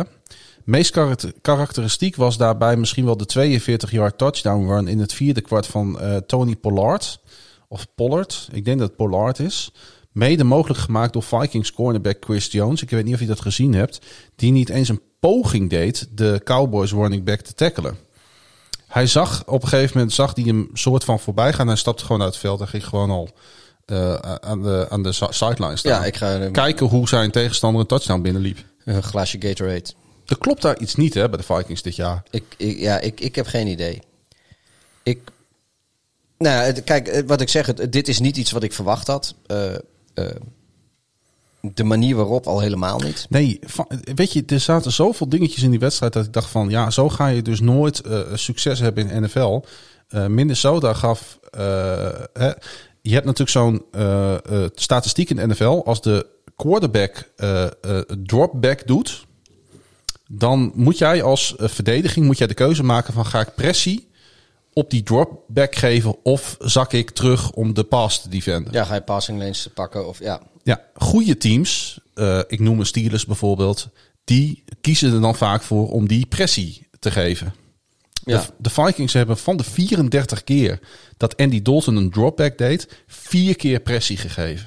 Ja, met, met pressie bedoel je meer dan vier man brengen. Ja, Ja. Dus dat betekent dat Andy Dalton 30 van de 34 keer dat hij een dropback deed, alle tijd en alle ruimte had om een paas te geven. Ja.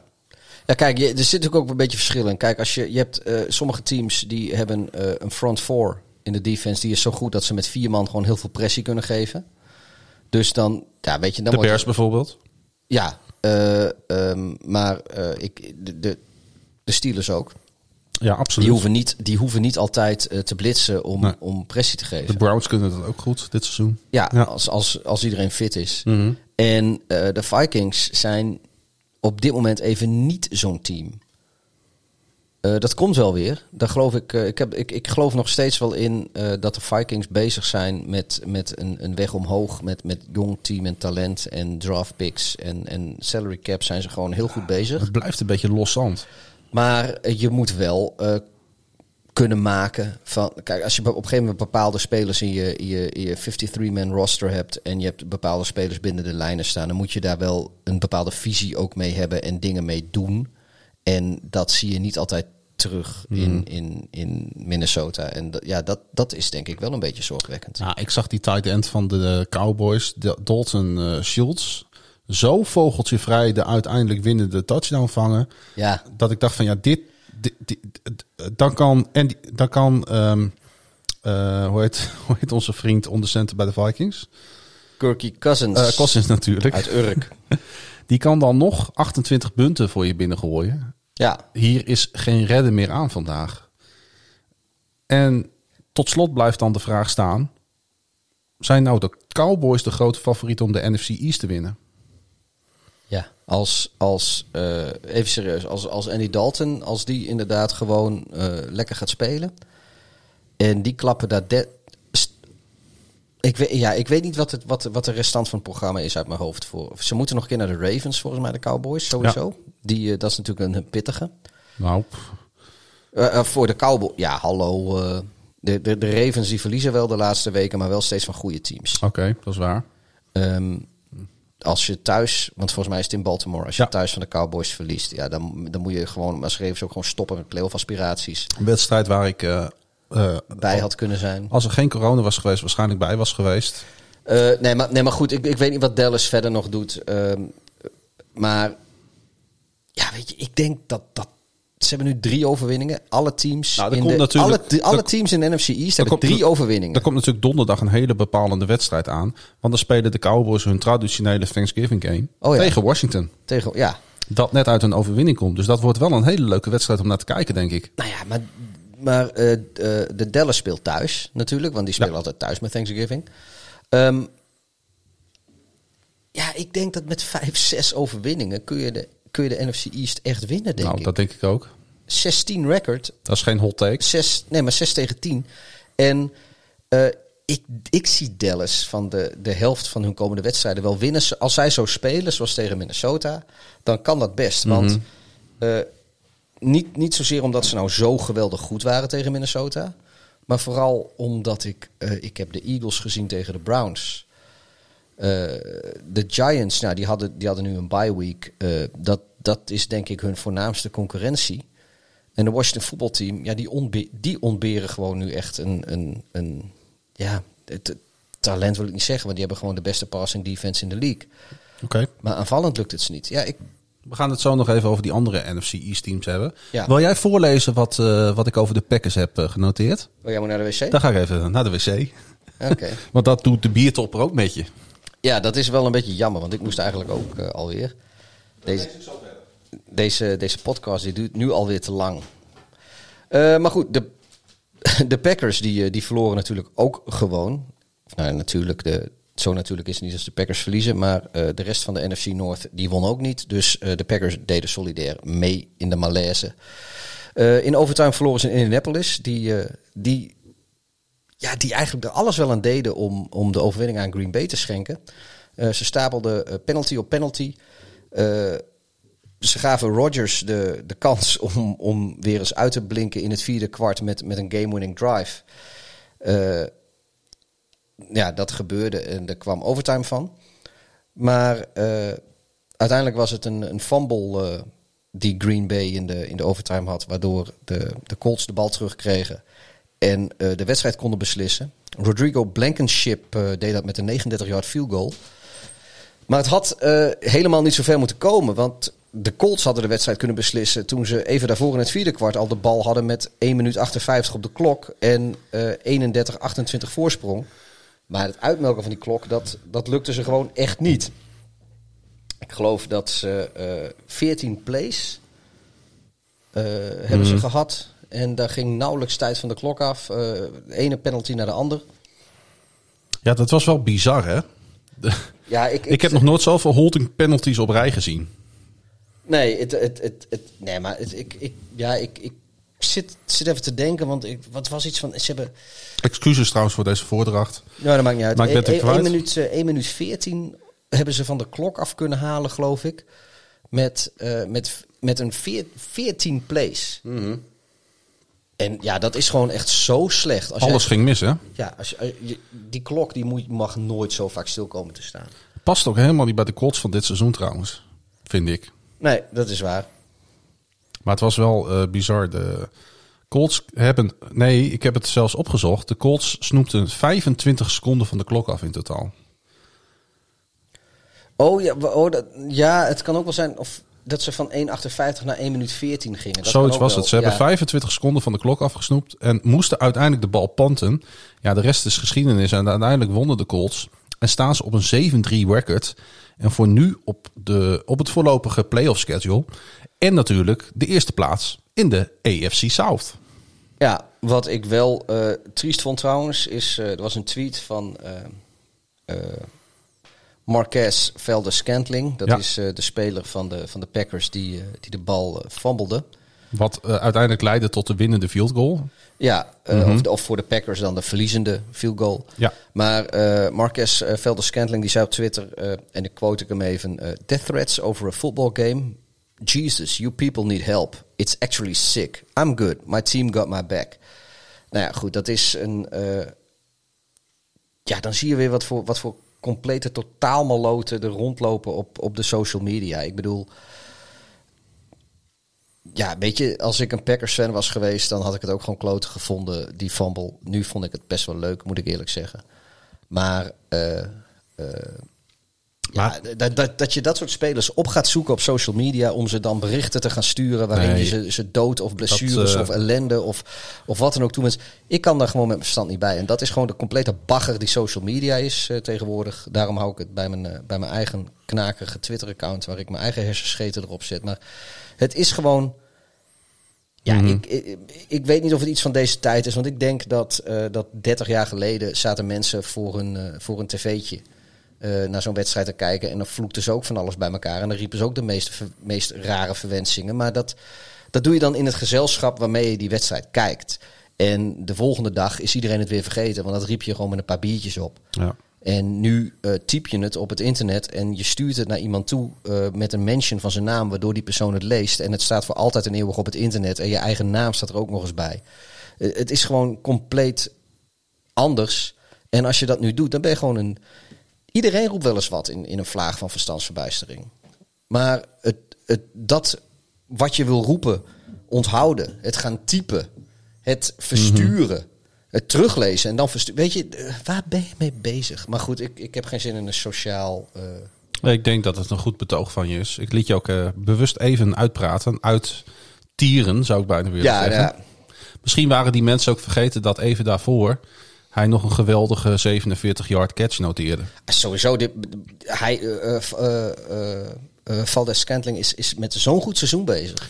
Ja. De laatste, de voorgaande wedstrijden ook, weet je. De, de Hij is, afgelopen- ik vind hem wel heel wisselvallig.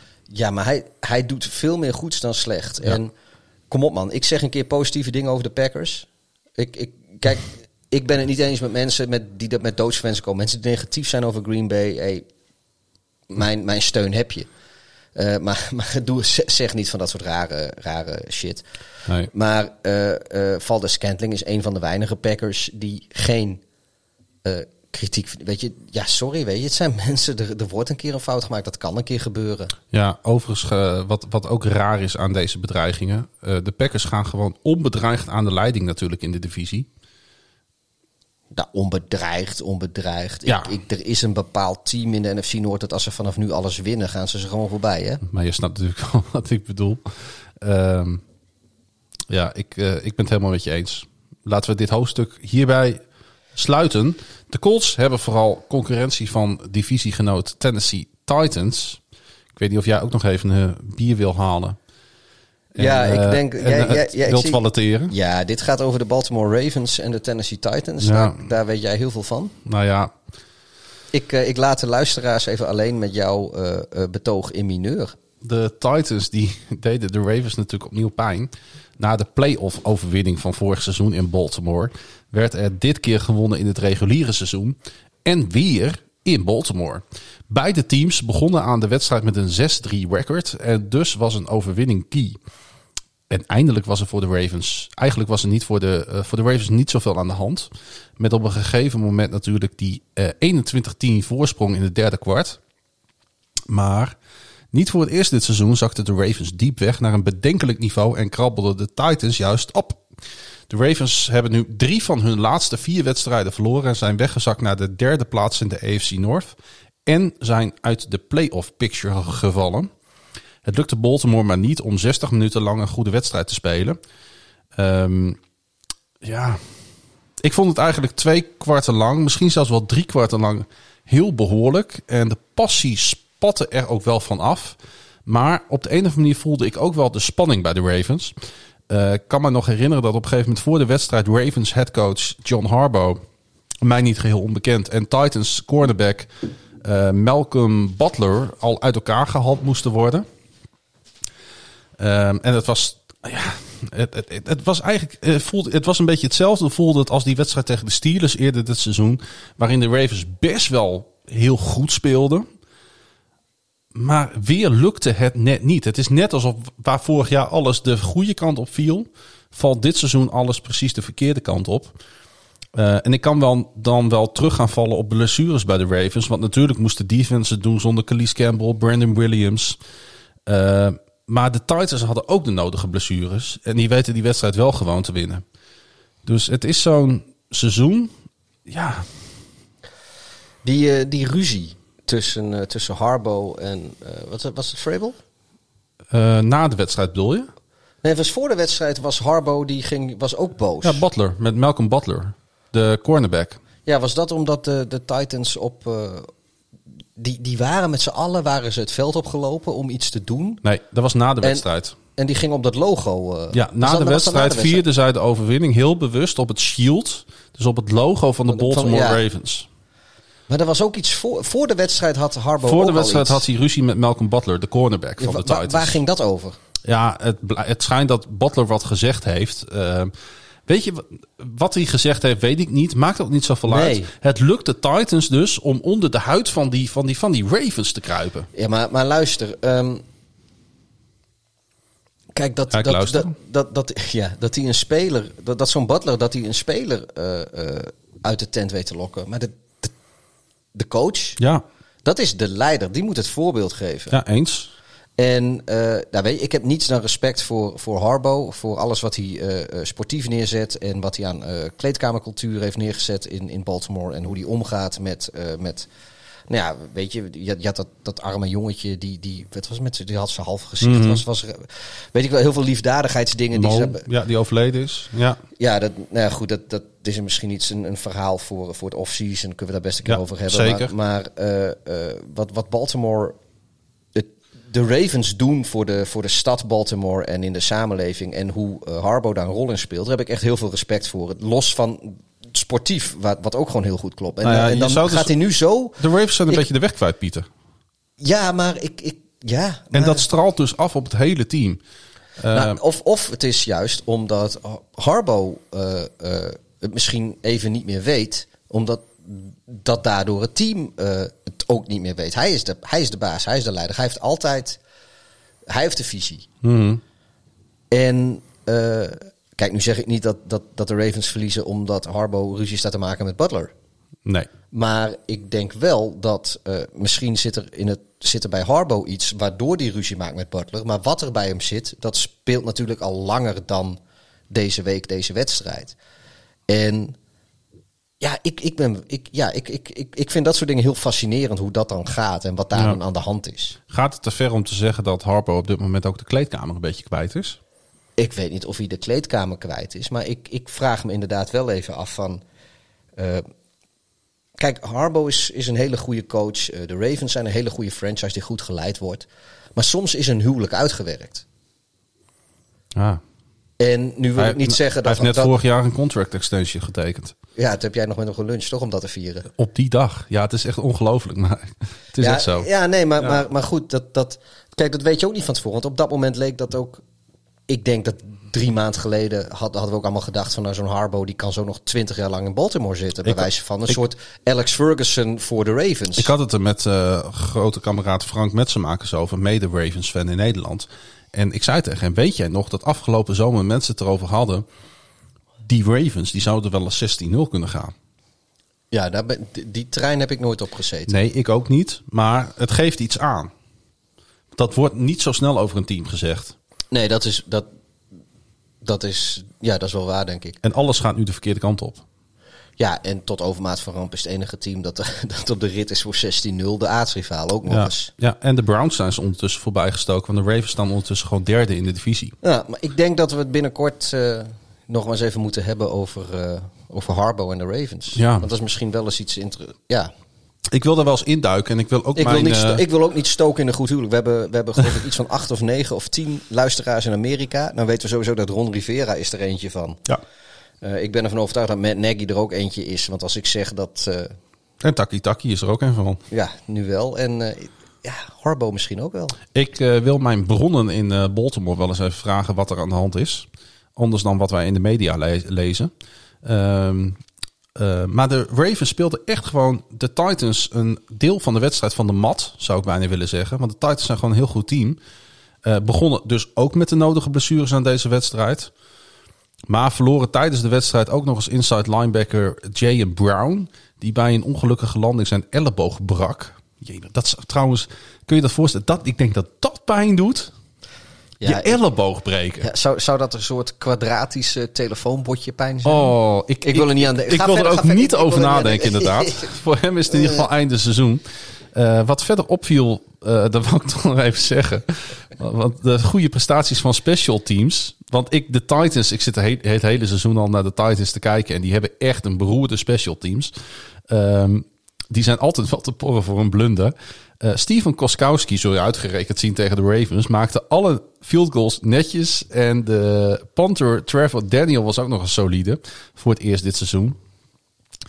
Ehm, en ik zat zo'n beetje tijdens die wedstrijd na te denken over de Titans. Ik denk dan ook na over de tegenstander. Je zou het bijna niet verwachten, maar het is echt zo. Jij bent zo'n zo'n attente jongen. Ik ben heel attent. Eh, ik heb ook oog voor de tegenstander. Vind ik leuk.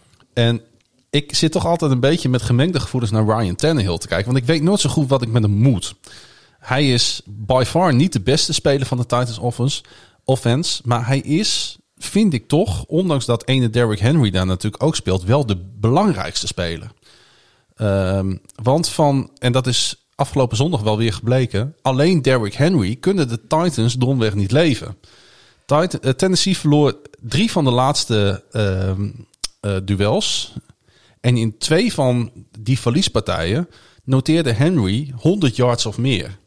Dus ook Henry heeft een solide Tannehill nodig. Ja, het is, het was, Maar het is niet alleen nee, dat, het dat is niet alleen dat Tannehill Henry nodig heeft, maar het is ook andersom zo. Ja, weet je, ehm, Henry is zo'n speler die, eh, die komt eigenlijk pas halverwege het derde kwart en het vierde kwart komt hij tegen een goede defense in elk geval pas, pas tot leven. Want hij, En dat was zondag niet anders. nee, want hij blijft, weet je, we, we zitten allemaal wel eens NFL te kijken. eh, en we hebben het er ook wel eens met elkaar over. Dan zie je gewoon eerste kwart, tweede kwart, derde kwart. Dan iedere, iedere drive zijn er wel één of twee van die plays dat je denkt, waarom ren je nou met je running back vol die line of scrimmage in voor, voor nul yards of geen yard of, of min één yard, één yard, whatever. Dat doen de Titans ook met Henry. Maar op een gegeven moment, hoe, Henry blijft het doen, maar Henry lijkt gewoon nooit moe te worden. Nee. En vroeg of laat wordt die verdediging wel moe. En dan in één keer komt hij er een keer doorheen. En dan is het in één keer 6 yard, 7 yard, 8 yard. En in één keer is het 10 yard, 12 yard, 15 yard, 20 yard. Een game-winning touchdown. En, en ehm, ik, ik weet niet of dat daadwerkelijk zo is. Ik, dit is gewoon mijn eyeball eh, eh, indruk. Eh, ik heb geen statistieken hiervan of wat dan ook. Maar ik heb het idee dat Derrick Henry zijn meeste yards pakt halverwege in de tweede helft van het derde kwart en in het vierde kwart en eventueel de overtimes. dat is wel duidelijk. Dat, dat, dat hoef je Dat niet- is zo bizar. Dat kun je als leek zelfs zien. Hij, hij heeft de eerste drie kwarten eh 41 rushing yards genoteerd. Henry. Ja. De eerste drie kwarten. En ehm, moet ik het goed zeggen, want ik doe dit uit mijn hoofd. Eh, eh, in het vierde kwart en overtime 92 running yards. nou ja, de- Dus dat bevestigt eigenlijk Ja, precies maar- wat jij zegt. Ja, maar tegen de Bears ging het hetzelfde, bijvoorbeeld. En ik heb de Titans een paar... Want nou ja, dat, dat zal mensen die eh, iedere week hier naar luisteren ook al niet ontgaan zijn. Ik, ik, ik heb wel een zwak voor Tennessee Titans. Mhm. En eh, Ik ook wel, Dit- dit behalve is- dan eh, afgelopen weekend. ja, dat, dat is... Nou, dat, is een ander, dat is trouwens in Baltimore en Tennessee dan voor jou misschien wel. Maar dat is eh, tussen de supporterscharen van die beide teams... die, die zijn niet zo blij met elkaar. Nee, nee, dat klopt. Maar, dat komt ook omdat de Ravens in het verleden heel vaak, als er nog playoff aspiraties in, in, in Nashville waren, dan maakten de Ravens daar vaak een einde aan. En de laatste jaren is het toevallig net andersom. Ehm, maar goed, uh, los, los van dat. Uh, uh, ja, Derrick Henry is, is, is een soort marathonachtige running back. Die, die, hij komt langzaam op gang. Het is een soort diesel. En op een gegeven moment, dan, dan, als iedereen mur gebeukt is, dan gaat hij los. Ja, mijn punt was dus, dus dat Henry niet zonder een solide Tannehill kan. Dat, dat sowieso. Dat en, sowieso. Nou, het wordt heel vaak namelijk andersom gezegd. Maar ik wou het een keer omdraaien.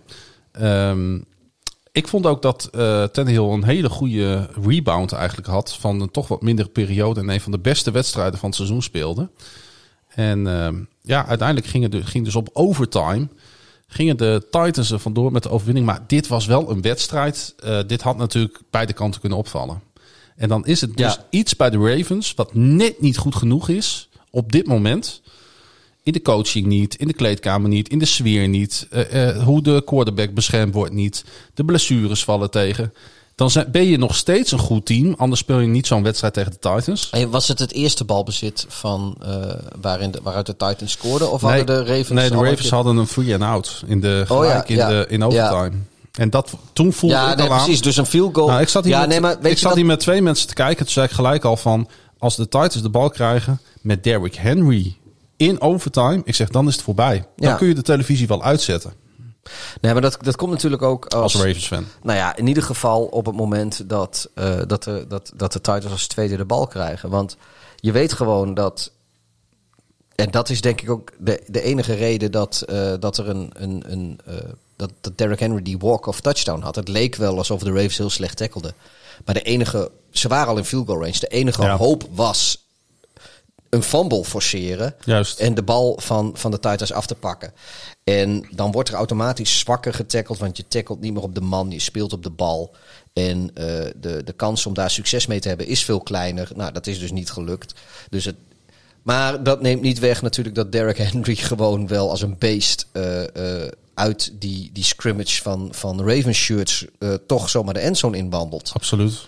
Um, maar ik denk wel dat als dit een gewone wedstrijdsituatie was geweest en niet een overtime waar, waar de enige hoop voor de Ravens een turnover was, mm -hmm. dan was hij denk ik wel gewoon getackeld. Ja, wie natuurlijk wel weer wonnen, dat waren de Pittsburgh Steelers. Na een stroeve start hadden de Steelers uiteindelijk toch een nou, makkelijke middag, durf ik wel te zeggen, in het TIA Bank Stadium in Jacksonville. En daarmee bouwt Pittsburgh hun record uit naar 10-0. Jacksonville verloor voor de negende keer op rij en heeft nu een 1-9 record.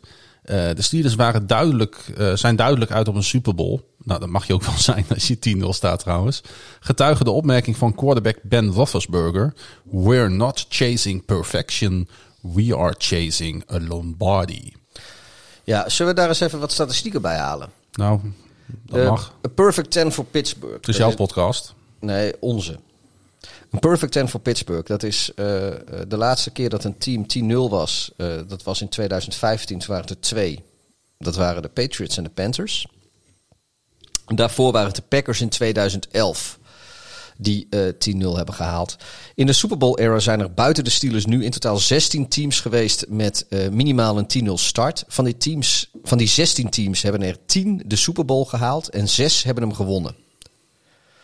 Uh, de 2009 Saints zijn het laatste team die 10-0 zijn gegaan en een Super Bowl wonnen. Ze hadden namelijk een 13-0 start en uiteindelijk zijn ze 13-3 geëindigd. De 2015 Panthers kwamen tot 14-0, eindigden 15-1, maar verloren de Super Bowl van de Denver Broncos. Uh, ja, dus, dus uh, 10 van de 16 teams die de, die, de, die de Steelers vooraf zijn gegaan, hebben in elk geval de Super Bowl gehaald. Op het moment dat ze 10-0 kwamen. Dus er is goed je hoop voor Pittsburgh, wou je zeggen. Nou, dit is niet gebaseerd op, op lucht. Nee. Als je natuurlijk uh, resultaten behaalt in het verleden, bieden geen garanties voor de toekomst. Jada, Mhm. jada, jada. Uh, maar uh, 10 van de 16 teams halen de Super Bowl. En 6 van de 16 teams, of eigenlijk kun je beter zeggen, 6 van die 10 teams die hem dan ook halen, winnen hem ook gewoon. Ja. ja nou ja, de Steelers zijn gewoon goed onderweg. En eigenlijk iets meer dan dat kan ik er ook niet over zeggen. Want zo'n wedstrijd tegen de Jaguars zegt heel weinig. De Jaguars die natuurlijk vorige week die goede partij bij de Packers speelden. Toen dacht Ja. ik even van, oeh, zouden de Jaguars komen bovendrijven in de NFL opeens? Maar ze houden zich keurig aan de afspraken om hoog te pikken volgens mij. Aan de andere kant, eh, we moeten ook gewoon eerlijk zijn. Eh, we zeggen altijd wel, het verschil tussen de nummer 1 in de NFL en de nummer laatst is niet zo groot.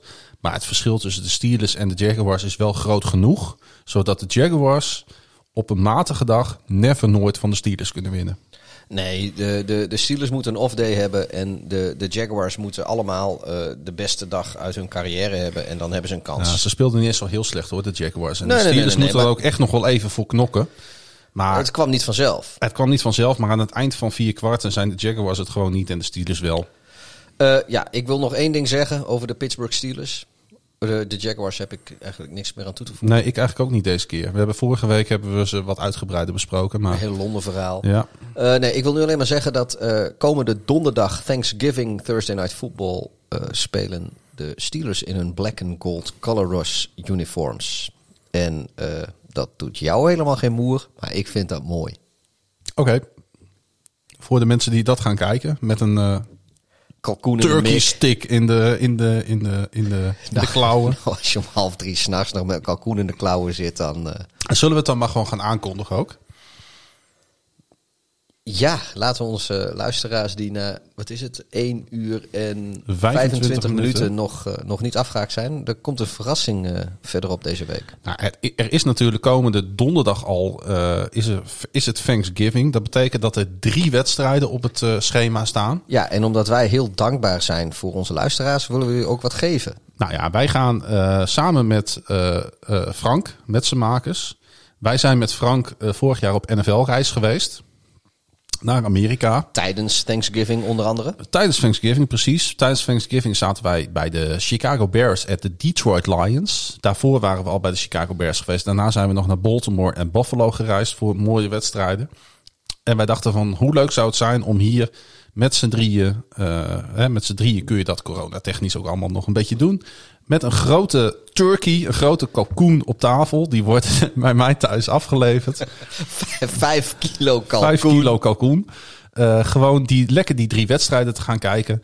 Natuurlijk eh, wil ik graag de Ravens zien. Eh, dat wil natuurlijk Frank ook als Ravens-fan. En we gaan dan op vrijdag, als we wakker worden, gaan wij smiddags gaan wij een Thanksgiving special opnemen. Ja, dan gaan wij dus de, de drie wedstrijden bespreken. Er zullen ongetwijfeld wat, eh, wat anekdotes komen over wat we allemaal meegemaakt hebben eh, vorig jaar. eh, tijdens onze Thanksgiving NFL reis. En ja, dat wordt gewoon heel leuk. Ja, ik denk het ook. Dus we komen met een extra uitzending deze week. Dus NFL op vrijdagavond. Vrijdagavond zal die online komen. En Ja. dan, eh, nou, dan bespreken we dan die drie wedstrijden. Kijken we ook nog even vooruit naar het eh, Thanksgiving weekend. Want het is eigenlijk is het een soort van vierdaags, eh, eh, vierdaagse feestdag in Er Amerika. zijn, ook, er zijn ook geen bye weeks komend weekend, hè? Nee, we hebben weer gewoon 16 wedstrijden. En dat scheelt ook weer. Want dat betekent dat we dan komende dinsdag hoeven we niet 16 wedstrijden te bespreken, Nee, dus maar mis- 13. Ja, dus misschien blijven we dan ook onder de drie uur. Juist.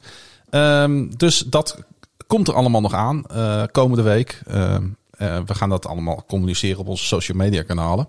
Misschien ook wel op Instagram. Eh, de Ravens verloren dus, de Steelers wonnen en ook de Cleveland Browns eh, wonnen.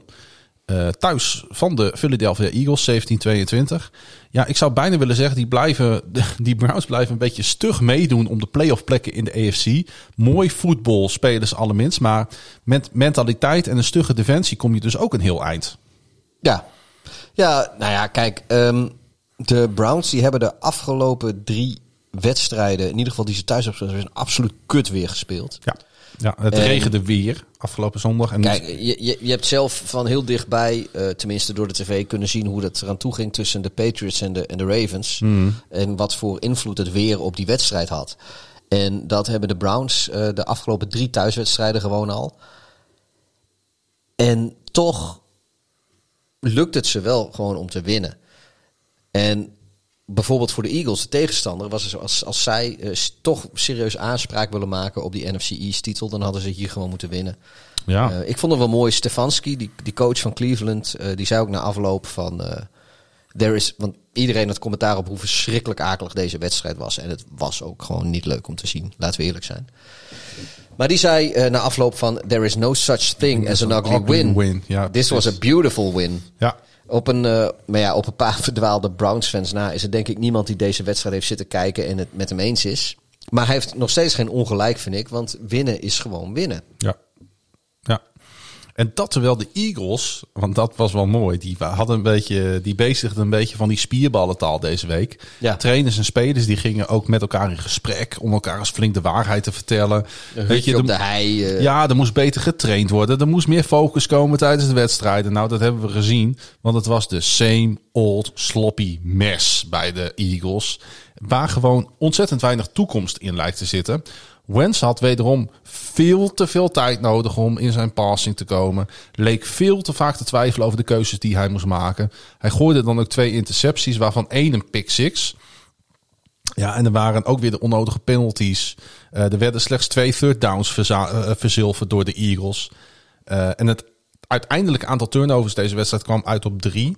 En Henk Kiel vroeg ons op eh, Twitter... wat is er toch met Carson Wentz aan de hand? Zit het in de bovenkamer niet goed of is hij overschat? Ja, ehm, is Carson Wentz minder goed als... Kijk, een paar aantal jaar geleden was hij gewoon nog MVP-kandidaat. Hè? Mhm. En toen raakte hij geblesseerd. En toen had je Nick Foles die de boel overnam. En eh, eh, toen wonnen ze de Super Bowl. Ik vind eh, En- Carson Wentz ook zeker niet overschat. En vervolgens eh, is Carson Wentz weer fit. En die begint weer aan een, een vrij goed regulier seizoen. Raakt weer geblesseerd. En Nick Foles die komt erin en die doet een diepe playoff run met ze. Maar uiteindelijk verliezen ze volgens mij van de Saints in... ik weet niet meer of het de divisional round was of de, of de championship game. Maar nee, het was volgens mij de divisional round. En de, de championship game was... Maar het doet er ook niet toe. Nee.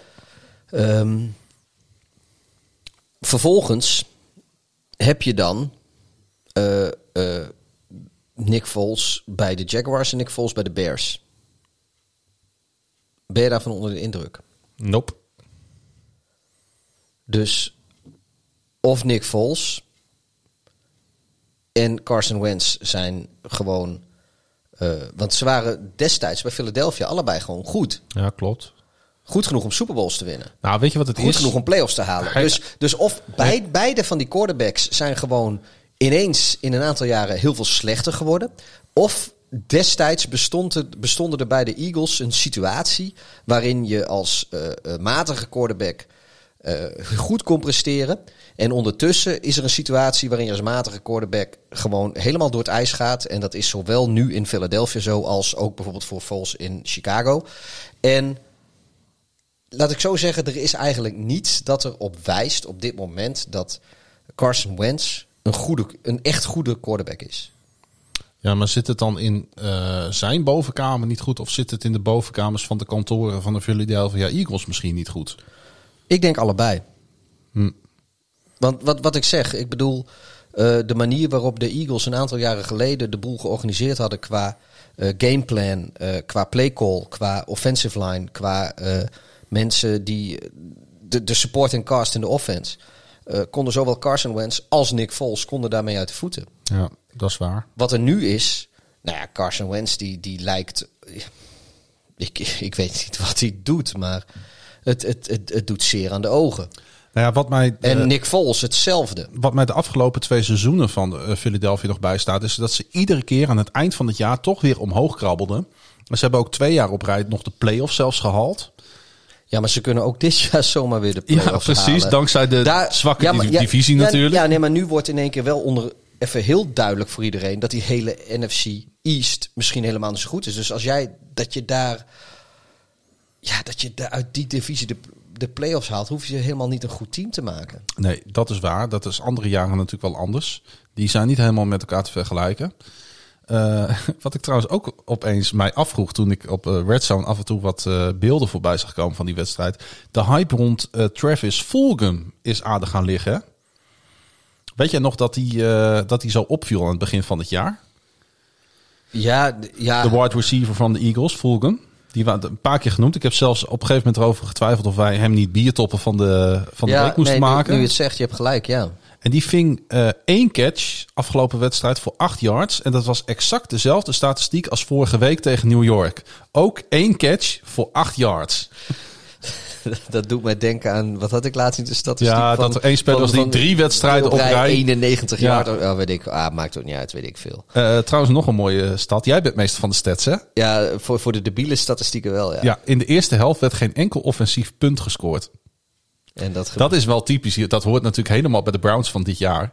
Eh, dat gebeurde trouwens voor het laatst bij de wedstrijd tussen de 49ers en Washington in week 7 van vorig seizoen. Stel eens voor als de Bears en de Eagles dit seizoen tegen elkaar oei, hadden oei. moeten spelen. Dan, dat wordt 0-0. Ja, 10 minuten overtime, 0-0. 0-0. Hoe awesome zou dat zijn? Of Ja. nee, want ze hebben natuurlijk wel een redelijk goede defense. Dus ik denk dat het gewoon 2-2 wordt, omdat ze allebei wel een keer een safety hebben. Wel grappig trouwens dat die uitspraak van Stefanski, dat ik die ook in mijn script had staan. Oh, ja. Ik, eh, je kunt hem er teruglezen als je een beetje met me meescrolt. Ik, eh, ik, heb hem, eh, ik heb hem zien staan, maar jij begon hem ook al mee te lezen. Dus toen dacht ik al van, hij staat er ook in. Maar Ja. ik heb hem dus ook. Ja, we bereiden ons onafhankelijk van elkaar voor, lieve Yes. mensen. En daarom hebben we zo'n organisch... eh, zo'n organische eh, eh, eh, conversatie altijd eh, in deze podcast. Nou, het is een genot om naar te luisteren. Ik luister hem zelf echt ik- nooit terug. ik Ja, dat is ook niet, niet. helemaal waar. Af en toe. Ja, ik wel. Ja, ik, ik ja, ook wel. ja, zo s'avonds in bed. Hebben we een extra streampje. Ja. Hey, eh, de Browns schuiven natuurlijk met deze overwinning wel stukje bij beetje een beetje op hè, in die AFC. En met een 7-3 record staan ze nu op de tweede plek in de AFC North. Ehm, en, en toch, hè, de Browns, eh, ze hebben wel een goed team hoor. Ze kunnen natuurlijk leunen op running backs Kareem Hunt en ze Nick zijn, Chubb. Ze zijn een, een, een seizoen of twee te vroeg eh, al gekroond als, eh, als, eh, als heel goed team. Maar Ze hebben een goed team. ja, ja, nee, maar ze hebben natuurlijk twee jaar geleden werd al gezegd van, oh ja, nu dit kon wel een seizoen voor de Browns worden. En Ja. dat werd het niet. En toen weer een seizoen, weet je, dat, dat was dat die seizoen dat ze, dat ze Odell Beckham en, en, Ja. en weet ik. Nou, dan nog een seizoen, toen kwam Kareem Hunt en zo. En, en het zijn nu een paar seizoenen op rij dat zij gewoon echt. ehm, Nou, twee en een half seizoen zijn ze nu. Ja, ze doen goed. twee seizoenen op rij, zeg maar twee off-seasons op rij. Doen ze wenkbrauwfronsende eh, eh, transfers en, en acquisities qua spelers en, Ja. en dingen die ze doen. Het is ook de vraag hoe toekomstbestendig hè, die keuzes zijn voor de goede orde. Luister, ze gaan. eh, Als je het hebt over ik- cap space, als, je het hebt over... Als je kijkt naar wat hun eh, eh, resterende programma is, ik heb hem er uit mijn hoofd niet bij, maar ik heb hem wel even bekeken van het weekend. Eh, de kans dat de Browns de playoffs gaan halen is levensgroot. En dat is volgens mij Ja. voor het eerst sinds 2007 of 2004. of Zoiets, ja. weet ik veel. Ik denk dat een heel groot deel van onze luisteraars toen nog niet eens legaal op een brommetje mocht rijden. Nee. Ik kijk, Eh, af, kijk af en toe wel een beetje met jaloezie hoor, naar, eh, naar zo'n Nick Chubb bijvoorbeeld. Die, Oh, die, van, die is goed, joh. die had een fantastische 54 yard run in het vierde kwart. Wat uitmondde in uiteindelijk de game sealing touchdown. En de running game van de Browns, die kon nog wel eens heel gevaarlijk worden. Want Baker Mayfield speelt gewoon niet spectaculair. Maar heeft nu al drie wedstrijden op rij geen interceptie gegooid. En dat is ook wat waar. Ja, dat maar- wij de afgelopen week de naam van Ja, Baker Mayfield niet veel genoemd hebben. Dat zegt iets over hoe gevaarlijk de Browns in potentie nog kunnen worden. Ja, maar dan heb je straks heb je gewoon... eh Chubb is nu weer fit. En Kareem Hunt. Ja, Kom op, man. Zo. Hoe, waarom ho- hoef je dan nog een... Moet je, moet en ze hebben ook best een goede O-line. Ik bedoel, dan, dan ben je helemaal geen quarterback meer nodig, joh. nee. Eh, en, en dan kun je net zo goed Baker Mayfield nee, maar dan is Baker Mayfield want- is dan, uit, is, is dan zeker goed genoeg om, om daarvan te profiteren. En dan is er natuurlijk nog die sterke defense. Over twee weken spelen de Ravens en de Browns tegen elkaar, toch? Hebben jullie niet Eh, na de Steelers de Browns? 3-3. Nee, we spelen eerst nog tegen de Cowboys. En dan de Browns. Want ja, op Monday Night Football. Is ook nog primetime in Cleveland. Cleveland Ik, eh, krijgt- niet zoveel primetime games eh, toegewezen.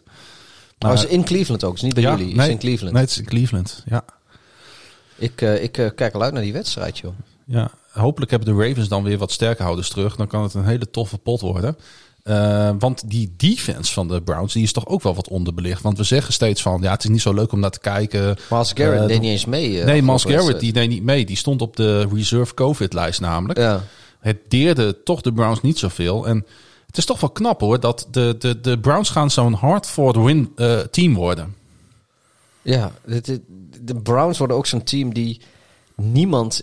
Als, als zij dit zeg maar doorzetten na het eind van het seizoen... is dit Ja. ook zo'n team, net als de Raiders... die niemand tegen wil komen in de playoffs. En die stiekem heel ver kunnen komen. Kun je nog zo hard de Steelers of de Chiefs zijn. Maar zowel de Steelers als de Chiefs... die zitten niet te wachten op de Raiders. En Nou, als de Browns dit doorzetten... Met name de Steelers niet. stel, stel je nou toch voor, hè, maar uber, oh, überhaupt, dus wel grappig om het hier even over te hebben, want ik zat hierover na te denken vannacht, eh, toen ik merk voetbal zat te kijken. Nee, serieus. Stel nou dat de Steelers, de Browns of heel eventueel nog de Ravens gaan tegenkomen. En de Raiders gaan de Chiefs tegenkomen in de playoffs, in de AFC. Ja, dat worden broedermoorden in die divisie. En voor je het weet heb je dan een, een, Ja. een Raiders-Browns championship game. Nou, dat zou mij echt niet verbazen. Ik, dat, dat, ik- zou er, is, het is niet eens gekscherend hoor, Nee, om het op maar- die manier te zeggen. Stel je voor dat je vijf jaar geleden, Mhm. Zeg maar 2015, Dat dat je- je, hebt gezegd ja. van joh, de, de, de AFC Championship game van, van 2020 wordt Raiders Browns. Ja. En daar zet ik, ah weet je, ik klap er gewoon een, een 20 dollar op. nou, voor- Nee, maar dat is het leuke aan dit seizoen. In de NFC zitten heel veel contenders die dicht bij elkaar staan op een iets lager niveau. Maar op de, in de AFC Nou ja, op, op een iets hoog niveau Nou, nee, ontzettend dat, veel nee, maar ik contenders. denk dat dit, dat dit soort teams zijn allemaal hetzelfde niveau. Het enige wat het is, is dat in de AFC heb je de Steelers en de Chiefs. Die stijgen er net even bovenuit. Maar Ja. daarna heb je dus dat rijtje met de Ravens en de Browns. En de, de, De Colts en de Titans. Raiders, de Colts en de Titans. De Dolphins. Eh, de Dolphins, die, die hebben net dan weer verloren. Ik moet dat nog een beetje zien met Tua. Dus die wil ik nog niet. Die, ik wil ze daar nog niet inschikken. Maar eh, wat ik zeg, de, de, Mhm. nou, record-wise horen ze er gewoon bij hoor. Nog steeds. ja, maar wie is hun quarterback?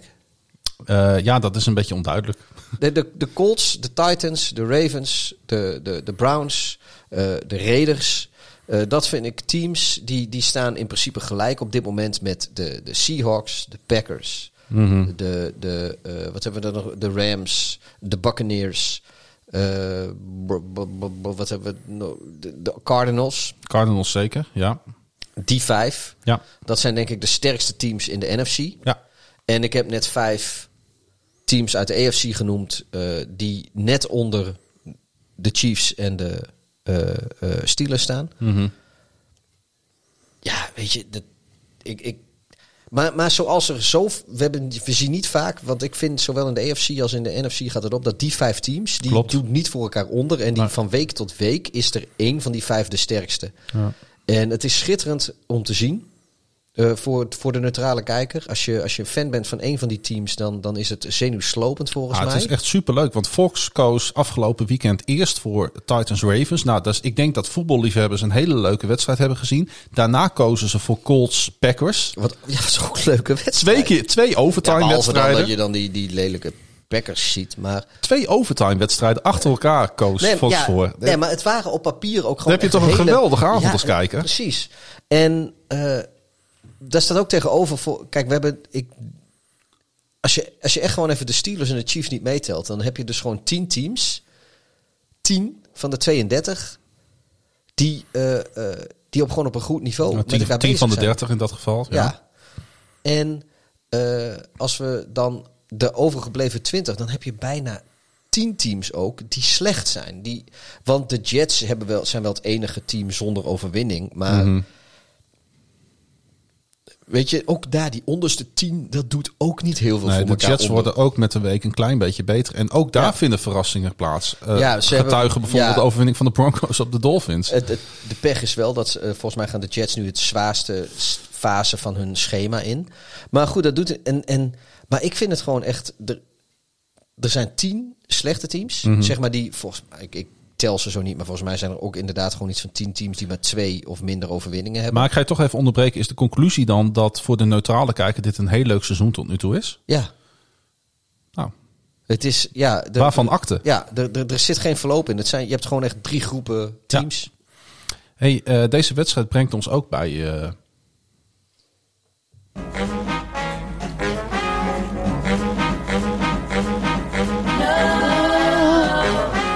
Don't you wanna know? Don't you wanna know? Who's that man? Don't you wanna know? Don't you wanna know?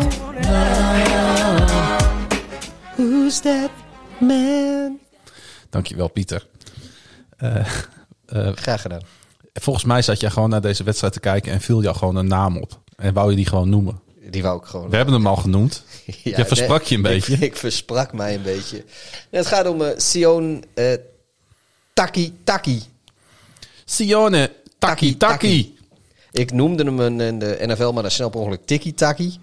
Maar ik bedoel natuurlijk gewoon taki-taki. Ja. Ja, maar de NFL, maar, maar dan snel, is zo snel dat je je een keer kunt verspreken. Dat snap ik wel. of een keer de slappe lach kan krijgen. Eh, voor de duidelijkheid, dit is een linebacker van de Cleveland Browns. Ehm, en die eh, had, ehm, de, een, hij had een interceptie. Ja, het was wel een. een eh, kijk, die wedstrijd daar werd natuurlijk nauwelijks eh, gescoord of weinig gescoord. Dus het was ook meteen een. een, een Het was, het was de pick six waar ik het eerder ook al over had trouwens. hè? het was een allesbepalende interceptie. Laten we ook. een return van 50 yards. Ja, maar waar de, waar de fok onze grote vriend Carson Wentz naar dacht te kijken. Of wat hij dacht te zien toen die bal gooide, ik weet het niet. Nee, maar daar gaan we het niet meer over hebben. De enige persoon. Even de focus op eh Nee, Taki Taki. Taki Taki, de enige persoon op het veld die precies begreep wat er aan het gebeuren was, dat was Sion Taki Taki. Ja, terwijl die volgens mij niet zo populair is bij de fans in eh, Cleveland. Nee, ik kan dit niet onderbouwen met, eh, met, met harde feiten. Maar ik kan wel eh, zeggen dat ik een, een rondgang heb gemaakt op eh, de social media en eh, diverse fora waar Browns fans samenkomen. En Browns fans die, die God, dat zijn wel tot, tot donkere krochten Ja, van het joh. internet zijn dat, Pieter. Ja, dat zijn echt hele vochtige, Oei, oei, oei, vochtige oei, onderbelichte kelders van, van, van, van het internet zijn dat. Want ja, je, het kost moeite om, om Browns fan te zijn. Dat, dat, doe je niet, Nee. dat doe je niet voor je lol. nee, je bent nog liever fan van Heerenveen. Nee, nee, dat is gewoon niet waar. Maar Dat ging ver. Ja, dat ging ver. ja, dat ik- ging veel te ver. Ik wil gelijk daarbij mijn excuses ook aanbieden aan alle luisteraars. ik, ben- ik, ben, ik ben ook een beetje van mijn apropos. Ja, nu. ik ben ik. geschokt. Nee, maar even serieus. Die, eh, nee, de, de, de, de Browns fans die zijn niet echt groot fan van eh Sion Taki Taki. Want die schijnt, die is vorig jaar met de tachtigste pick is hij gekozen in de draft eh, door de Browns. Ja, eh, 80ste plek overall, klopt. Maar, maar hij- ze vinden blijkbaar dat hij onderpresteert. En eh, ik moet eerlijk zeggen, ik volg de Browns niet goed genoeg om dat te beamen of te ontkrachten. Het enige wat ik weet is dat hij deze wedstrijd een, een, een beslissende interceptie al, had. Hij heeft toch al 66 total tackles staan. Ja, zijn statistieken die, die, die verklaren ook niet waarom hij zo onpopulair is. Maar goed, ik zag hem dus die eh, interceptie doen. Dat, dat was eigenlijk wedstrijdbeslissend. En eh Sion Taki Taki, ik had er nog nooit van gehoord. Ik, die naam viel me meteen op. En ja, dan ben je meteen een kandidaat voor de Who's That Man. Misschien komt het omdat hij eh, uit het koninkrijk eh, Tonga komt. Het is altijd leuk om spelers te benoemen die niet uit Amerika komen. Hij komt van Tonga. Dat is zo'n zo'n eilandje in de Stille Zuidzee of zo. Eh, ja, eh, onderdeel natuurlijk van, de, eh, van Polynesië. Waar toch wel redelijk wat NFL-spelers vandaan komen. En ehm, eh, To- Tonga is ontdekt door Nederlandse ontdekkingsreizigers. Willem Cornelis Schouten en Jacob Lemaire. Zij waren in 1616 de eerste... Lemaire klinkt Limburgs. Eh, ga ik zo even voor je nakijken. Of Zij, Frans. Zij waren in 1616 de eerste Westelingen die aanlegden op Niuotapatupi, een van de noordelijke eilanden, gevolgd door, Wel het mooiste jawel, eiland hoor. Abel Tasman. hey, die komt het staat. Nee, Lutjegast. Oh, Lutjegast. Die komt uit Lutjegast in de provincie Groningen. En die deed eh, Tonga Tapu en Ha'apai voor het eerst aan in eh, 1643. Eh, nou ja, goed. Als ik zo hoor hoe dat eiland, dan snap ik ook, hoe zou dat eiland wat nu Tasmanië heet, eigenlijk geheten hebben? Dat hij zoiets had van, nou jongens, ik vind het allemaal leuk en aardig als jullie dit noemen, maar eh, we mokken er gewoon Tasmanië van, was je wel. Ja, zoiets inderdaad. Ehm, maar goed, hij komt in ieder geval van Tonga. Het ligt heel ver weg eh, van eh, Amerika. Het ligt ergens 2000 kilometer ten noorden van Nieuw-Zeeland. Het ligt ook in Oceanië. Het heeft helemaal niets met Amerika te maken. En toch gaan heel veel jongeren van eh, de Polynesische eilanden gaan in de NFL spelen. Ja, want ze, ze hebben altijd wel een soort van, van obese crisis, Ja. maar er zit wel een, eh, nee maar, ja het klinkt heel stom, die mensen, ik heb, ik heb er wel eens wat van gelezen. Het zijn Die- gewoon levensgenieters, Pieter. Ja, nee, maar die mensen Dat zijn zit in de een- genen, hè? enerzijds wel obese, maar anderzijds eh, leven ze best wel gezond. En kijk, ehm, met, met, met alle respect voor obese mensen, maar in West-Europa zijn de meeste Daar heb ik obese weinig mensen, respect voor. hoor. zijn, zijn de meeste mensen die obese zijn, die leven niet heel gezond. Ehm, in, in, in Oceanië, Polynesië, dat soort landen, da- daar is dat anders, weet je. Ja. En ja, blijkbaar. want je ziet dan ook wel die filmpjes van, van dat, die, dat die jongens die wegen dan 170 kilo en die springen met twee benen tegelijk eh, op een tafel van een meter hoog. ja, ik, ik vind dat knap. Weet je, de, dan kun je nog zo dik zijn. Dan eh, zit er ook echt wel een spiermassa onder en, en, en, een, en een atletisch vermogen. Nou, daarom zijn het misschien ook die, die, die Troy Palamalu's, eh, eh, die voormalig linebacker van de Ja. Steelers. Ja, die gewoon Die heel goed passen in mooie, de NFL. had ook hele mooie krullen trouwens. Ja, dat klopt. Dat was, dat was ook een Steelers-speler waar ik geen hekel aan had. Ehm, eh, de, het eiland, de eilandengroep, eh, waar Tonga onder valt zijn. Ja, we gaan nog steeds even verder met ons, dit stukje aardrijkskunde. Nee, nou ja, ik, Ja, nee, ik, ik het viel vind me het op, goed. dat zijn hele, eh, dat zijn eh, christelijke eilanden. Hè? Driekwart van de bevolking is of protestant, is protestant en de rest is katholiek of anglikaans. Nou, dan mogen ze blij mee zijn met Schouten en Tasman. Maar die heeft, die heeft dat daar gebracht waarschijnlijk. Ja. en dat betekent ook dat bijna al die spelers gaan naar christelijke colleges. In dit geval BU. Why you? Brigham Young. Ja, dat is natuurlijk een, eh, een, een- dat is een eh, college met een overduidelijk. Evangelische inslag. Ja. Hij is trouwens ehm, lid van de Church of Jesus Christ of, of Latter-day Saints. Dat is de kerk van Jezus Christus van de laatste dagen. Ja, dat, eh, volgens mij in Nederland hebben we dat niet zo, tenminste niet, niet groot. Nee, het is trouwens ook wel weer grappig. Dat is dan ook wel weer. ehm, ehm, eh, oh nee, dat was, maatschappij. We hebben net aardrijkskunde, we gaan nu maatschappijleer doen. Mensen luisteren, laat het ook naar je kinderen luisteren. Want hier leer je van. nou, dat zijn dus de Mormonen, zei dat. Want die hebben em, als boek hebben die de Book of Mormon. Eh, van natuurlijk, eh, hoe heet onze grote vriend? Die Smith, hè? Die Joseph ja, Smith. is dat dat boek wat, wat alleen hij kon lezen door een kijkding? Wat heel ra- eh, Ja. Ik heb daar een South Park aflevering van gezien. Ja. Ik, weet, ik weet niet hoe historisch accuraat de South Park aflevering is. Ja. Maar ik weet wel dat ik hem heel grappig vond. Ja, maar goed, ik wil hier verder ook niet al te veel over zeggen. Maar even om even de achtergrond van de Who's That Man van Ja. deze week aan te geven. En nou ja, we hebben hem even eruit gehaald voor de Who's That Man van deze En week. als er belangstelling voor is, kunnen we altijd nog een keer een podcast opnemen over religie. Don't you wanna know, don't you wanna know. Who's that man? No. Don't you wanna know? Don't you wanna know? Who's that man? Gaan we verder met de Cincinnati Bengals. Die eh, uitspeelden bij de Washington voetbalteam. Het werd ehm, in alle opzichten een pijnlijk weekend voor de Bengals. Die het verlies van de wedstrijd misschien nog wel konden hebben. Maar het verlies van franchise rookie quarterback Joe Burrow. Ja, voor in ieder geval de rest van dit seizoen zal veel pijn hebben gedaan, Pieter. Ja, vrezen we ook voor zijn carrière? Ik wel. Ja. Ik, eh, ik wil het niet. Nee, ik ook niet. Alex Smith is bijvoorbeeld teruggekomen. Eh, ik- ik- we moeten nog een beetje gaan uitvissen hoe hij teruggekomen is. Ja, Art- Burrow tweette zelf tot volgend jaar. ja dat, was wel, dat was nog voordat hij onderzocht was. Ja. En ondertussen is hij onderzocht en er blijkt eh, weinig over te Ja, zijn er is van, echt van, wat, eh, wat alles gescheurd en Ja. gebroken. Het is, hij werd geraakt door Washington defensive tackle Jonathan Allen. Terwijl hij net een stap deed in de pocket voor een pass. Burrow greep meteen naar zijn linkerknie. En het was eigenlijk zo nagezicht, Pieter, dat CBS niet eens de herhaling durfde te vertonen. En dus Red Zone ook niet. Nee, dat gebeurt niet vaak. Nou, het mag wel vaker gebeuren. Ja, ja. Aan de andere kant, jij zegt ook wel eens van die spelers staan er toch een beetje voor ons vermaak. En dit hoort daar wel een beetje Ja, bij. nee, het hoort er wel bij, maar ik hoef het niet. Weet je, ik, als, ze dan, als het dan misgaat, dan. Kom op, weet je, die ene, die ene replay die er zeg maar van bestond, daar kon je al op zien van. Ik, ik hoef je niet een nog slow motionerige. Mhm. eh, een alternative angle. Ik hoef dan. Ik zie al dat die knie dingen doet.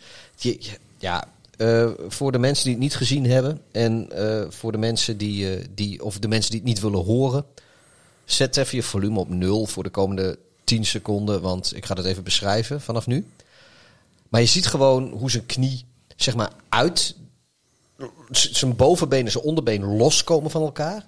En vervolgens zie je het ook weer zo klak in elkaar klappen.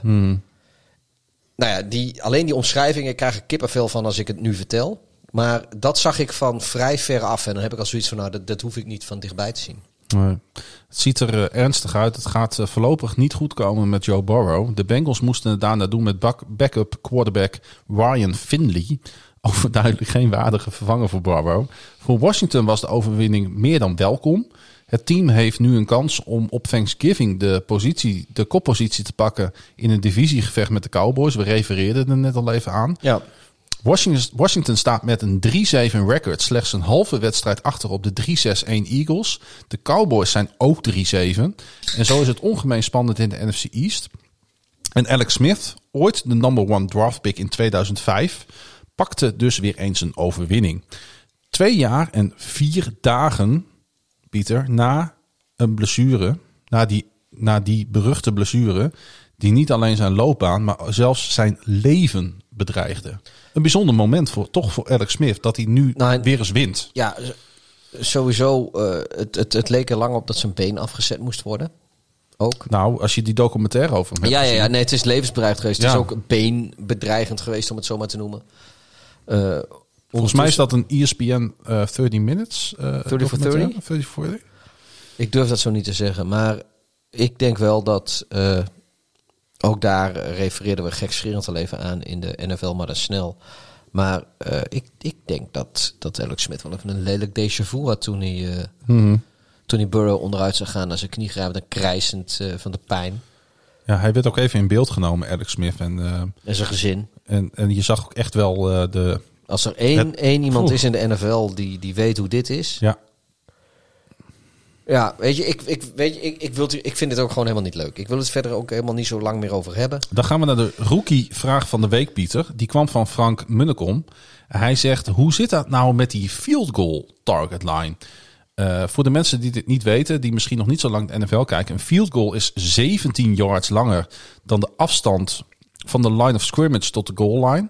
Omdat je de endzone, eh, die 10 yards Ja, je lang hebt- is, moet Je meerekenen. hebt, je hebt een long snapper, die, Maar- eh, die maar- snapt die bal naar de holder. En daar zit ook nog over 7 yards. Over 7 yard. En, Soms 8, hangt een beetje Ja. waar- hoe, hoe ze staan. Maar 7 à 8 yards, zeg maar. En, en dan Ja. is de, de field goal eh, zelf, de palen, die staan natuurlijk aan het eind van de endzone. Dus dat is 10 meter van de 0 yard line af, om het zo maar te zeggen. Ja, dus heel Voor 10 simpel yard. gezegd, als jij op de 30 yard line eh, eh, je fourth down hebt voor een field goal, dan is de field goal 47 yards. Ja, dat is, eh, die, het is sowieso, de, de 30 yard line is 40 yard van de, van de field goal Ja. zelf af. En dan moet er ook nog 7 yard terug gesnapt door de long snapper. Juist. Ja. Nou was dat niet de vraag van Frank, want hij zegt hoe zit het met de field goal target line? Dat is die rode lijn Ja, nee, maar die goed, je wel dat eens wordt, eh, in beeld geprojecteerd ziet. Maar dat wordt pas duidelijk natuurlijk als je dit al weet. Ja. Ehm, nou, ik heb, ik heb hier even naar gekeken, want ik was hier zelf ook wel benieuwd naar. Eh, field goal range is eigenlijk, Frank, iets heel vaags. En wordt per kicker bepaald door de broadcast. Dus door eh, de, de, de zender die de wedstrijd uitzendt. En ze nemen onder andere in hun berekening mee de langste succesvolle field goal ooit van de kicker. De langste succesvolle field goal in het stadion waar op dat moment gespeeld wordt. De langste field goal tijdens het lopende seizoen. Het weer. Denk aan staat er wind, staat er wind tegen of mee. Temperatuur, want dat maakt de bal meer solide of harder. Het spelen op hoogte. Dat zoals, maakt trouwens voor de Patriots niet zoveel uit. Hè? Die, eh, die, eh, die inflaten die balls gewoon. eh, of deflaten, me dat zelf willen. me dunkt. Het spelen op hoogte, zoals in Denver op Mile High. Eh, op hoogte spelen betekent namelijk dunnere lucht en minder weerstand. En ehm, dan uit al die facetten rolt dus de broadcast er field goal range uit. Eigenlijk is gewoon natte vingerwerk. Ja, waar eigenlijk alles in de NFL een soort van exacte wetenschap is. En het op millimeters aankomt. En alle statistieken, eh, zeg maar, alle statistieken kloppen. Is field goal range inderdaad natte vingerwerk. Terwijl nog wat eh, wordt ingezegd. Is dit van de biertop of je Dit dit- is natuurlijk van de biertopper. Oké. En hij ruikt heel sterk. Dit is een hele sterke eh, West Coast IPA. Oh ja, jeetje. Cashed Up Bogan heet hij van Clown Shoes. Van Clown Shoes? Ja. Oké. Maar ehm, Maar dat is een beetje, om antwoord op die vraag te geven, om hier ook niet al te lang over door te gaan omwille van de tijd. Dat is hoe field goal range eh, berekend wordt. ik ben blij dat we op 1 minuut en achter, of 1 uur en 58 minuten eh, gaan rekening houden met de tijd. Ja, 1, 2, 3. Hey, ondertussen weet iedereen al dat voor de, voor de snelheid hoef je met, met de, Ik zit even te kijken hoeveel wedstrijden we nog moeten. We gaan naar de Arizona Cardinals en de Seattle ja, Seahawks. voor een snelle podcast hoef je je op deze niet te abonneren, jongens. Nee. Hey, ehm, goede quarterbacks, Pieter, gebruiken een nederlaag om terug te bouncen. En dat is precies wat Russell Wilson deed in een overwinning op de Cardinals tijdens Thursday Night Football. Wilson was de afgelopen vier wedstrijden even niet in de MVP-vorm die we eerder dit seizoen wel zagen. Hij was verantwoordelijk voor liefst 10 turnovers in die dip van vier wedstrijden.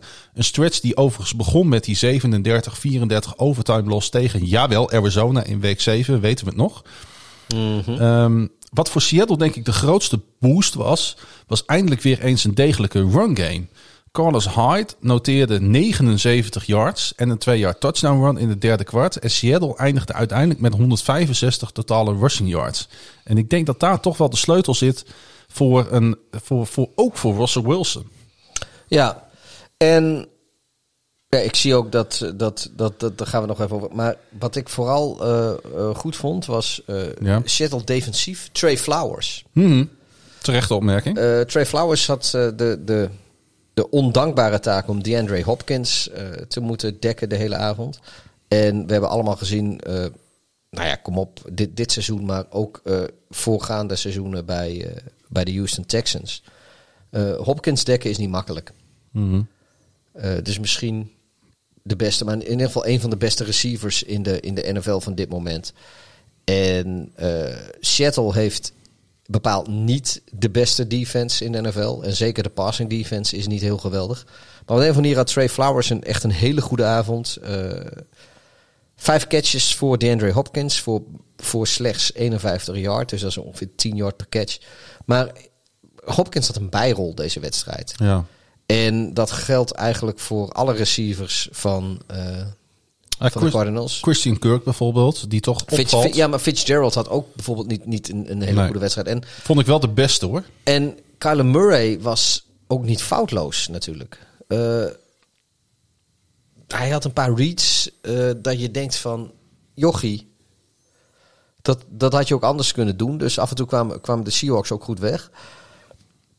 Ik denk ook, weet je, eh, Murray is gewoon een jonge, jonge speler. En, en dit komt er allemaal nog wel. Weet je, dit hoort erbij. Dit, dit hoort bij zijn, zijn druistigheid, zijn, zijn, zijn jonge spelerigheid. Ja, tegen een goed team, tegen een divisiegenoot Speelt kan een dit goed natuurlijk team. ook gebeuren. Hè? Ja, natuurlijk. Weet je, ik, ik wou even teruggrijpen op die... Ik vond het terecht dat je begon over die defense. Want die hebben we best wel verguisd de afgelopen weken. Ehm, eh, want één speler heb jij niet genoemd. Dat is Carlos Dunlap. Oftewel Fuzzy Dunlap, Fuzzy zoals wij hem noemen. Fuzzy Dunlap. Eh, want die had een keyplay op 4 en 10. Eh, op de Seattle 27. Want we moeten niet vergeten, de Cardinals hadden deze wedstrijd net als tegen de Bills gewoon nog kunnen winnen met een, eh, late beslissende play. Er stonden nog 38 seconden op de klok, was dus fourth down. Diep in Seattle territory. En Carlos Dunlap die wist om de edge heen te komen. Ik weet niet, ik weet niet of dat onze That Man van vorige week was die hem liet lopen. En hij tacklede Murray en dat was de ballgame.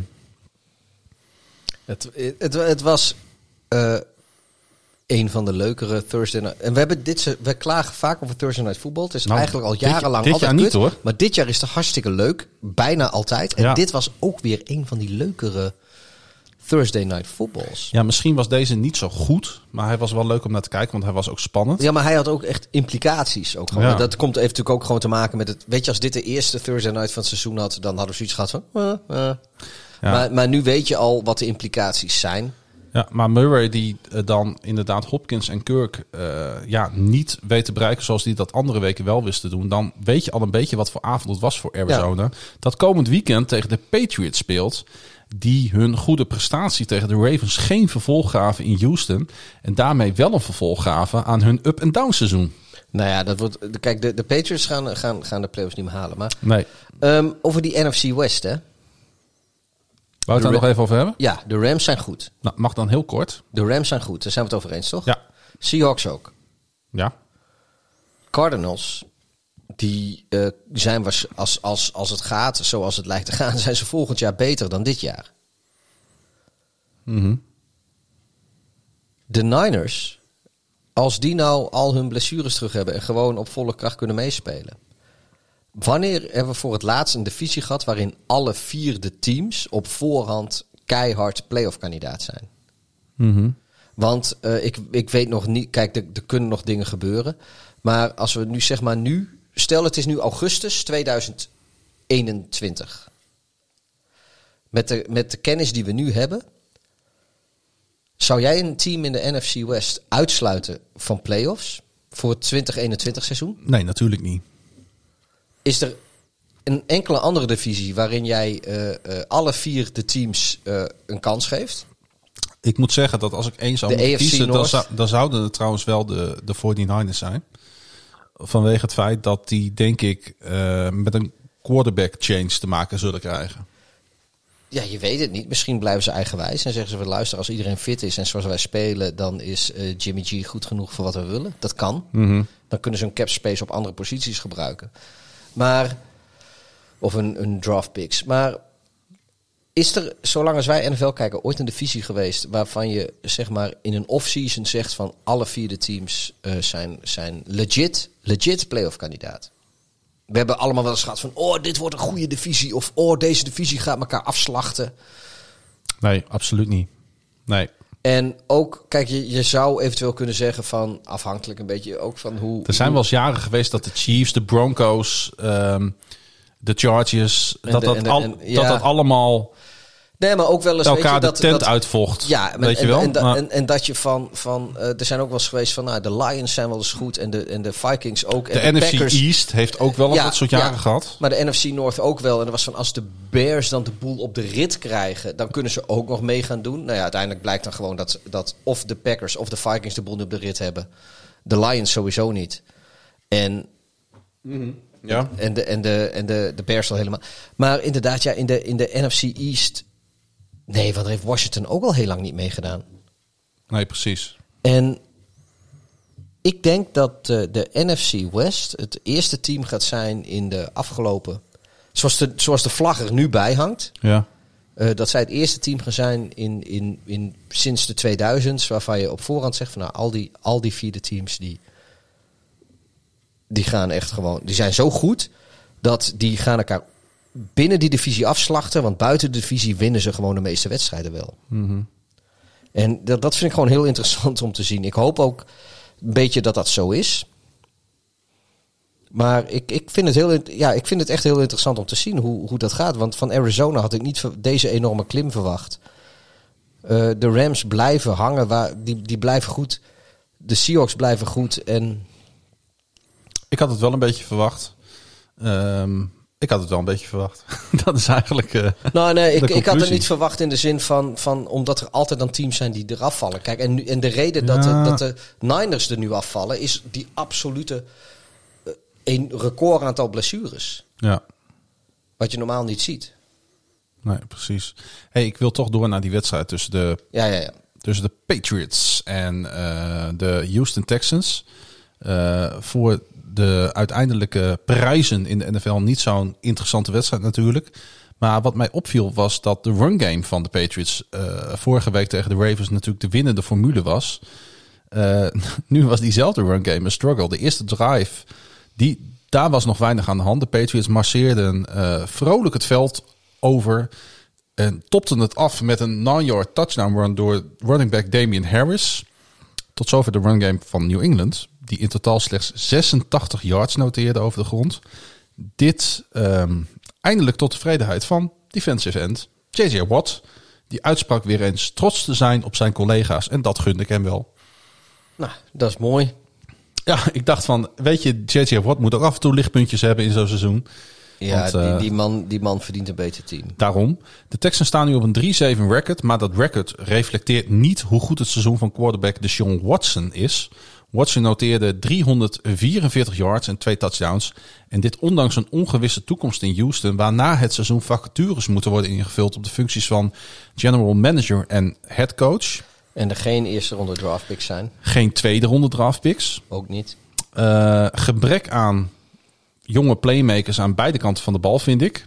En er lopen diverse contracten die veel te veel zijn opgeblazen. Dus wie wil daar instappen? Nou, aan Watson, aan Watson ligt het niet. Als je nou als eh, ambitieuze headcoach in de Texans wil stappen, is hij toch de enige reden. Als je het hebt over de toekomst bij dat team. Ja, maar hoe leuk is dat voor, eh, voor, voor Watson nog? Nee, het is voor Watson verschrikkelijk. Eigenlijk als hij weg kan, dan zou hij weg moeten. Misschien laat hem lekker naar Chicago komen. Ja, dat snap ik. Nee, maar ja, nee. eh, weet je, ik, ik, ik geloof dat, dat de, de Texans hadden 399 eh, offensive yards, eh, 380 komen van, van vriend Watson. En ja, weet je, ze pakken een overwinning tegen een goed team en eigenlijk hebben er geen, geen, geen reet aan. Nee. Want, want of ze nou wel of niet winnen, zelfs dat maakt niet uit, omdat je geen eerste en tweede ronde picks hebt. Dus verliezen, normaal gesproken, zeggen, ja, dan kunnen we eerder pikken in de draft, hartstikke leuk, ja, lala, goede speler. ja, je doet, Ja, het, voor, is- je doet het voor jezelf en voor je fans. Ja, en ja, Ja. volgende wedstrijd. De Miami Dolphins ehm en de Denver Broncos. De Broncos verrasten ondertussen met een overwinning op de Miami Dolphins, die naar Denver vlogen. Als, nou, voor mij in ieder geval, een van de meest in het oog springende teams in de NFL. Sleutel tot het succes zou wel eens de balans in de aanval kunnen zijn geweest. En dan zoom ik even in op de Broncos. Want waar quarterback Drew Lock tot nu toe iedere wedstrijd meer dan 40 keer met een bal gooide, deed hij dat afgelopen zondag maar 30 keer. Dus voor het eerst dit seizoen. Eh, voor 270 yards. En rende Denver 33 keer. Dus vaker dan dat Drew Lock gooide, kozen ze voor de running game. En behaalden ze daarmee 189 yards. Er was dus voor het eerst het seizoen balans in de aanval. De verdediging speelde ook veelal een prima wedstrijd. En dan ontstaat er opeens een klimaat waarin dus een jonge quarterback prima gedijt. Ja, en toch vind ik Drew Lock geen goede quarterback. Ik vind Vic Fangio wel een hele goede coach. Ja. Eh, ik weet alleen niet of hij aanvallend nou zo goed is. Ehm, nee, ik, ik, ik, ik kan mij niet voorstellen dat, dat, dat na anderhalf seizoen dit in één keer is waar, waar, waar ze mee komen in Denver. Met, met de coachingstaf en, en de spelers die ze hebben. Ik had voor het eerst is. het idee dat ik de Denver Broncos serieus moest nemen dit seizoen. Ik, ja, maar ik, ik weet dus echt niet of Denver nou... Uiteindelijk zetten ze ook maar 20 punt. 20, dat is niet zoveel hè? Dat is het gemiddelde. Oké, dat is waar. En de, Maar er was eigenlijk een goede mix. Want die defense van de Broncos Jawel, is gewoon, jawel, is ja, gewoon ja. best heel goed. ja, nee, maar dus, dus wat je eigenlijk zegt is van als alles goed gaat bij de Broncos... scoren ze het gemiddelde aantal punten in de NFL. maar jij vindt Vic een goede coach. Maar ik heb voor het eerst heb ik een gameplan van hem gezien dit jaar. Waarvan ik dacht van ja, Nou hier, ja, hier ik- zou ik als fan achter kunnen staan. Vic een goede coach. Ik denk dat... Nee, ik, ik heb dat misschien verkeerd gezegd. Kijk, Vic is de beste defensive coordinator. Wij mogen hem bij zijn voornaam noemen trouwens. Ja. Vic Ah. Fangio. Ja. Hij is de beste defensive coordinator in de league. Ja. En, En dat laat hij bij de Broncos ook zien. eh, eh, ik weet niet of hij de beste of, een- of hij een hele goede coach is. Hij is een, een prima coach, maar ik. de- nee, ik, weet je, als, als alles op zijn plek moet vallen om 20 punten te maken, dan. Ja, nu, kijk, Drew Lock is geen hele goede quarterback. De offense van de, van de, van de, van de Broncos loopt niet over van talent. Maar ja, ik vond het niet een hele indrukwekkende wedstrijd verder. Nou, dan gaan we het even over de Miami Dolphins hebben. Want daar verving quarterback Ryan Fitzpatrick zijn positiecollega Vond ik ook raar. in het vierde kwart. Vond ik ook gewoon raar. Ja, het had ook niks met een blessure te maken. Nee, maar, maar kijk, ik heb het volgens mij vorige week ook gezegd dat Tua die heeft niet genoeg laten zien om direct al hem te scharen in het rijtje van Burrow en Herbert. Nee. Eh, dus dat wil ik nog steeds niet doen. Uh, Flores zei na de wedstrijd gewoon van ja, weet Ja, je, we, stonden achter. En ik had het idee dat ik met, met Ryan Fitzpatrick het beste die laatste twee minuten kon aanvliegen. Ja, maar, even, maar welke wedstrijd heeft Tua nou gewonnen dan? Op dit moment. Ik bedoel, we, we, we kunnen allemaal wel helemaal hysterisch gaan doen over Tua Tango Valoa. En, en, en, en wat voor geweldige quarterback dat gaat zijn. Maar eh, Fitzpatrick heeft het prima gedaan voordat hij debuteerde. Zeker. Toen heeft Tua zijn eerste wedstrijd gespeeld tegen de Rams. Die eigenlijk gewonnen werd door de Dolphins defense. Mhm. Eh, volgens mij de enige wedstrijd die Tua op waarvan je kan zeggen van nou weet je dat heeft hij gedaan is winnen van de Chargers die van iedereen eigenlijk verliezen Ja. Eh, ondanks eh, eh, Justin Herbert want zelfs dat in ja Herbert is indrukwekkender dan Tua ja, aan de andere kant vind ik het niet helemaal eerlijk dat je dit zegt. Want als je een rookie niet laat spelen, dan krijgt hij ook geen ervaring. Nee, dat, dat, dat klopt. Maar, Het is, ik, vind het, ik, ik vind het heel makkelijk om hem dan op deze nee, manier maar af te la- branden. nee, maar kijk, Herbert speelt en die verliest. Ja. En, maar Herbert speelt nooit zo dat je denkt van, nou weet je, ik haal hem eraf. Nee, dat is waar. Eh, De, de, Chargers hebben eigenlijk nog niet verloren door Herbert. Nee, want Tua en, had- en, ja, en nou, door Tua, weet door Tua, kom op, Denver is ook gewoon een knakenteam. Ja. Maar je, Miami had hier gewoon moeten winnen. Maar Tua speelde gewoon niet goed genoeg om Miami te laten winnen. Nou, Hij heeft maar 11 eh, passes gecomplete voor 83 yards. Wel een touchdown zat daarbij. Eh, de eerlijkheid gebied wel te zeggen, want ik, ik vind het toch altijd lastig om, het, om, om, om, een, om echt alleen maar aan de stoelpoten van zo'n quarterback te Oh zagen. nee, maar dat wil ik ook zeker niet doen. Want zijn offensive line speelde ook niet goed. Tua werd zes keer gesekt en dat was zes keer was dat niet zijn fout. Was dat de fout van de collega's die voor hem stonden. Maar het is wel waar. De Dolphins kwamen eindelijk een beetje tot leven toen Fitzpatrick het veld betrad. Die zette onmiddellijk een drive neer die leidde tot een field goal. En eh, hij had onmiddellijk Fitzpatrick weer die chemie met Davante Parker en Mike Gesicki, de tight end. En uiteindelijk kwam de Fitz 15 yards tekort om een eh, potentieel gelijkmakende drive neer te zetten. Een drive die op de eigen 1-yard line begon na een Melvin Gordon fumble. En de wedstrijd eh, ja, die kwam uiteindelijk dan tot einde met een interceptie van Broncos safety eh, Justin Simmons. Nou, nee, we- ik, ik, ik wil ook helemaal niet. Maar wat moeten de. Dolphins met deze nederlaag? Is dit een leerzame nee, nederlaag? Of Nee, want een domme nederlaag? Nee, ik heb, ik heb heel veel respect voor Brian Flores. Ik heb heel veel respect voor wat de, wat, de, wat, de, wat de Dolphins aan het doen zijn. Maar ik vind dit gewoon zo dom. Want je doet twee dingen. Of dat, dat, je kan twee dingen doen. Of je gaat dit seizoen, had je afgemaakt met eh, Fitzpatrick, Fitzmagic. En eh, je had Tua gewoon gezegd van... luister mijn jonkje, je hebt talent... maar jij gaat even heel goed opletten hoe dit gaat. Want volgend jaar sta jij daar. Ja. Tenzij Fitzpatrick geblesseerd raakt. Of je zegt halverwege het seizoen, wat er nu eigenlijk gedaan is, van luister, eh Tua, ik heb alle vertrouwen in jou. Vanaf nu mocht jij het gaan doen. Zodat jij er klaar voor bent voor volgend seizoen. Want laten we niet doen alsof Miami dit seizoen al wilde winnen. Dat de, goed, het eerste van Fitzpatrick het seizoen uit laten spelen en Tua laten leren achter hem, dat hebben ze niet gedaan. Wat ze hebben gedaan is, halverwege het seizoen hebben ze tegen Fitzpatrick gezegd, zonder enkele aanleiding, want hij speelde een geweldig seizoen, hebben dus- ze gezegd van, Ze hebben dat gedaan op het moment dat de Dolphins hun bye week hadden. Zodat ze twee weken hadden om Tua voor te bereiden op ja, dat klopt wel, maar Fitzpatrick had niks gedaan om zijn startersplek in te leveren. Dat bedoel ik. Fitzpatrick hij- speelde gewoon goed. Ho, ho, ho, Eem. Hij is zelfs biertopper van de week bij ons precies, geweest. Precies.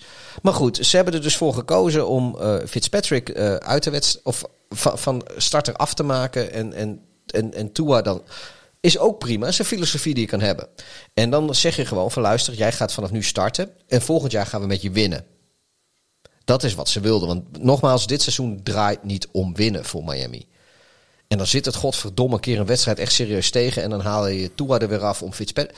Wat, wat, wat is dat? De hele, hele seizoen zijn wij al... eh, de voorgaande negen afleveringen zijn we de hele tijd positief geweest over Brian Flores en de Miami Dolphins. En Ja. ik vind... Dit vind ik gewoon eh, een debiliteit. Ik vind dit kun je Tua niet aandoen. Dit kun je Fitzpatrick niet aandoen. Ik, dit is gewoon wanbeleid. Dat Nou ja, meen ik echt. Nou ja, dan is er dus een verschil tussen eh, Pieter van NFL op woensdag en de headcoach van de Dolphins. Die wel vindt dat het om winnen gaat. Jij zegt, dit seizoen gaat niet om winnen. Nou, Nee, Flores heeft precies gedaan. Omdat, ja, omdat inderdaad eh, de, de Bills zijn eh sterfelijker dan ze, dat ze er in het begin van het seizoen uit, uitzagen. En de Patriots zijn natuurlijk eigenlijk ook gewoon helemaal niet zo goed. Dat is allemaal leuk en aardig. Maar je kan niet na acht wedstrijden of na zeven wedstrijden zeggen... dit is wat we dit seizoen gaan doen. En dat dan na tien wedstrijden het seizoen zich anders ontwikkelt. En dan in één keer... Want ben je nou bezig met... Dan moet je gewoon na gaan denken, ben je nou bezig met dit seizoen... of ben je bezig met de komende tien seizoenen? Ja, het was wel een beetje marchanderen wat dat betreft van, eh, van de headcoach van Ja, van mij natuurlijk ook. Ik zit gewoon heel makkelijk hier in Groningen-Zuid een beetje er een mening over te hebben. Maar ik vind het echt, ik vind het echt slecht. Weet je, had Tua laten spartelen, had hij alleen maar van geleerd, wordt hij alleen maar beter van. Of had inderdaad dit hele seizoen het volgehouden met Fitzpatrick. Ja, en uiteindelijk- Niet dit. Niet dit. En uiteindelijk, als de winnende coach gelijk heeft, heeft de verliezende coach dus ongelijk. Want de Dolphins verloren hem. Dus het had ook nog geen zin. Ja, maar nu was Fitzpatrick wel. Maar zelfs als Fitzpatrick eh, eh, zeg maar wel de, een, een beslissende touchdown pass gegooid had en de wedstrijd gewonnen, had ik het nog steeds dom gevonden. Want iedereen weet dat Fitzpatrick niet de toekomst is van Miami. En Miami heeft wel een hele Nee. toekomst aan Tua gehangen. Dat is waar. En ja, daar kun je niet op, de, ja, daar kun je niet op deze manier mee omgaan. Oké. Bedankt hiervoor. nee, ik vind, het, eh, ik vind het goed dat je het zo... Maar ja, ehm, oké. laat ik dan zo zeggen. Er is misschien voor allebei toch wel wat te zeggen. Want winnen en play-offs halen... dat zou de Dolphins ook wel eens een keer goed doen. Ja, maar nogmaals, als jij het vertrouwen hebt in Tua, dat als jij denkt dat hij de quarterback is voor de toekomst, dan, dan ik komt moet- het niet aan op dit Ik moet een beetje terugdenken. Ik, het, het is een beetje makkelijk misschien dat ik teruggrijp op, op eh, mijn ervaringen met de Ravens, omdat ik die heel veel zie.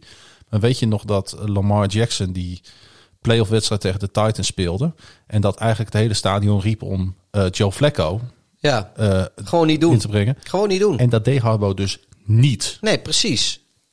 En toen gooide Lamar Jackson overigens in het vierde kwart nog bijna de Ravens langs de Titans weer. Wordt wel door heel veel mensen vergeten. Eh, ik denk inderdaad, stick to your plan, stick to your quarterback. Daar, uiteindelijk bereik je daar meer bij mee. Ja, we, we, kijk, ik, ik kan ook nog wel zeggen van ha, ha, ha, zie je wel wat er is gebeurd toen Trubisky het veld moest ruimen voor Nick Foles. Ja. Heeft de Bears ook niet echt goed gedaan. Maar ja, dat zijn een beetje andere situaties, andere verhalen. Nee, dat is ook wel zo. Maar ik moest... eh, Maar ja, nee, ik, ik, ja. maar, maar ik, die, Ook hier heb je een jong- die- jongen die- en een oude Lamar, Nee, maar die Lamar Jackson voorbeeld van jou, ik, ik kan me dat ook nog wel herinneren. mhm. Is een goed voorbeeld. Ja, En ehm, nogmaals, weet je, eh, Tua is de komende 15 jaar van de Dolphins.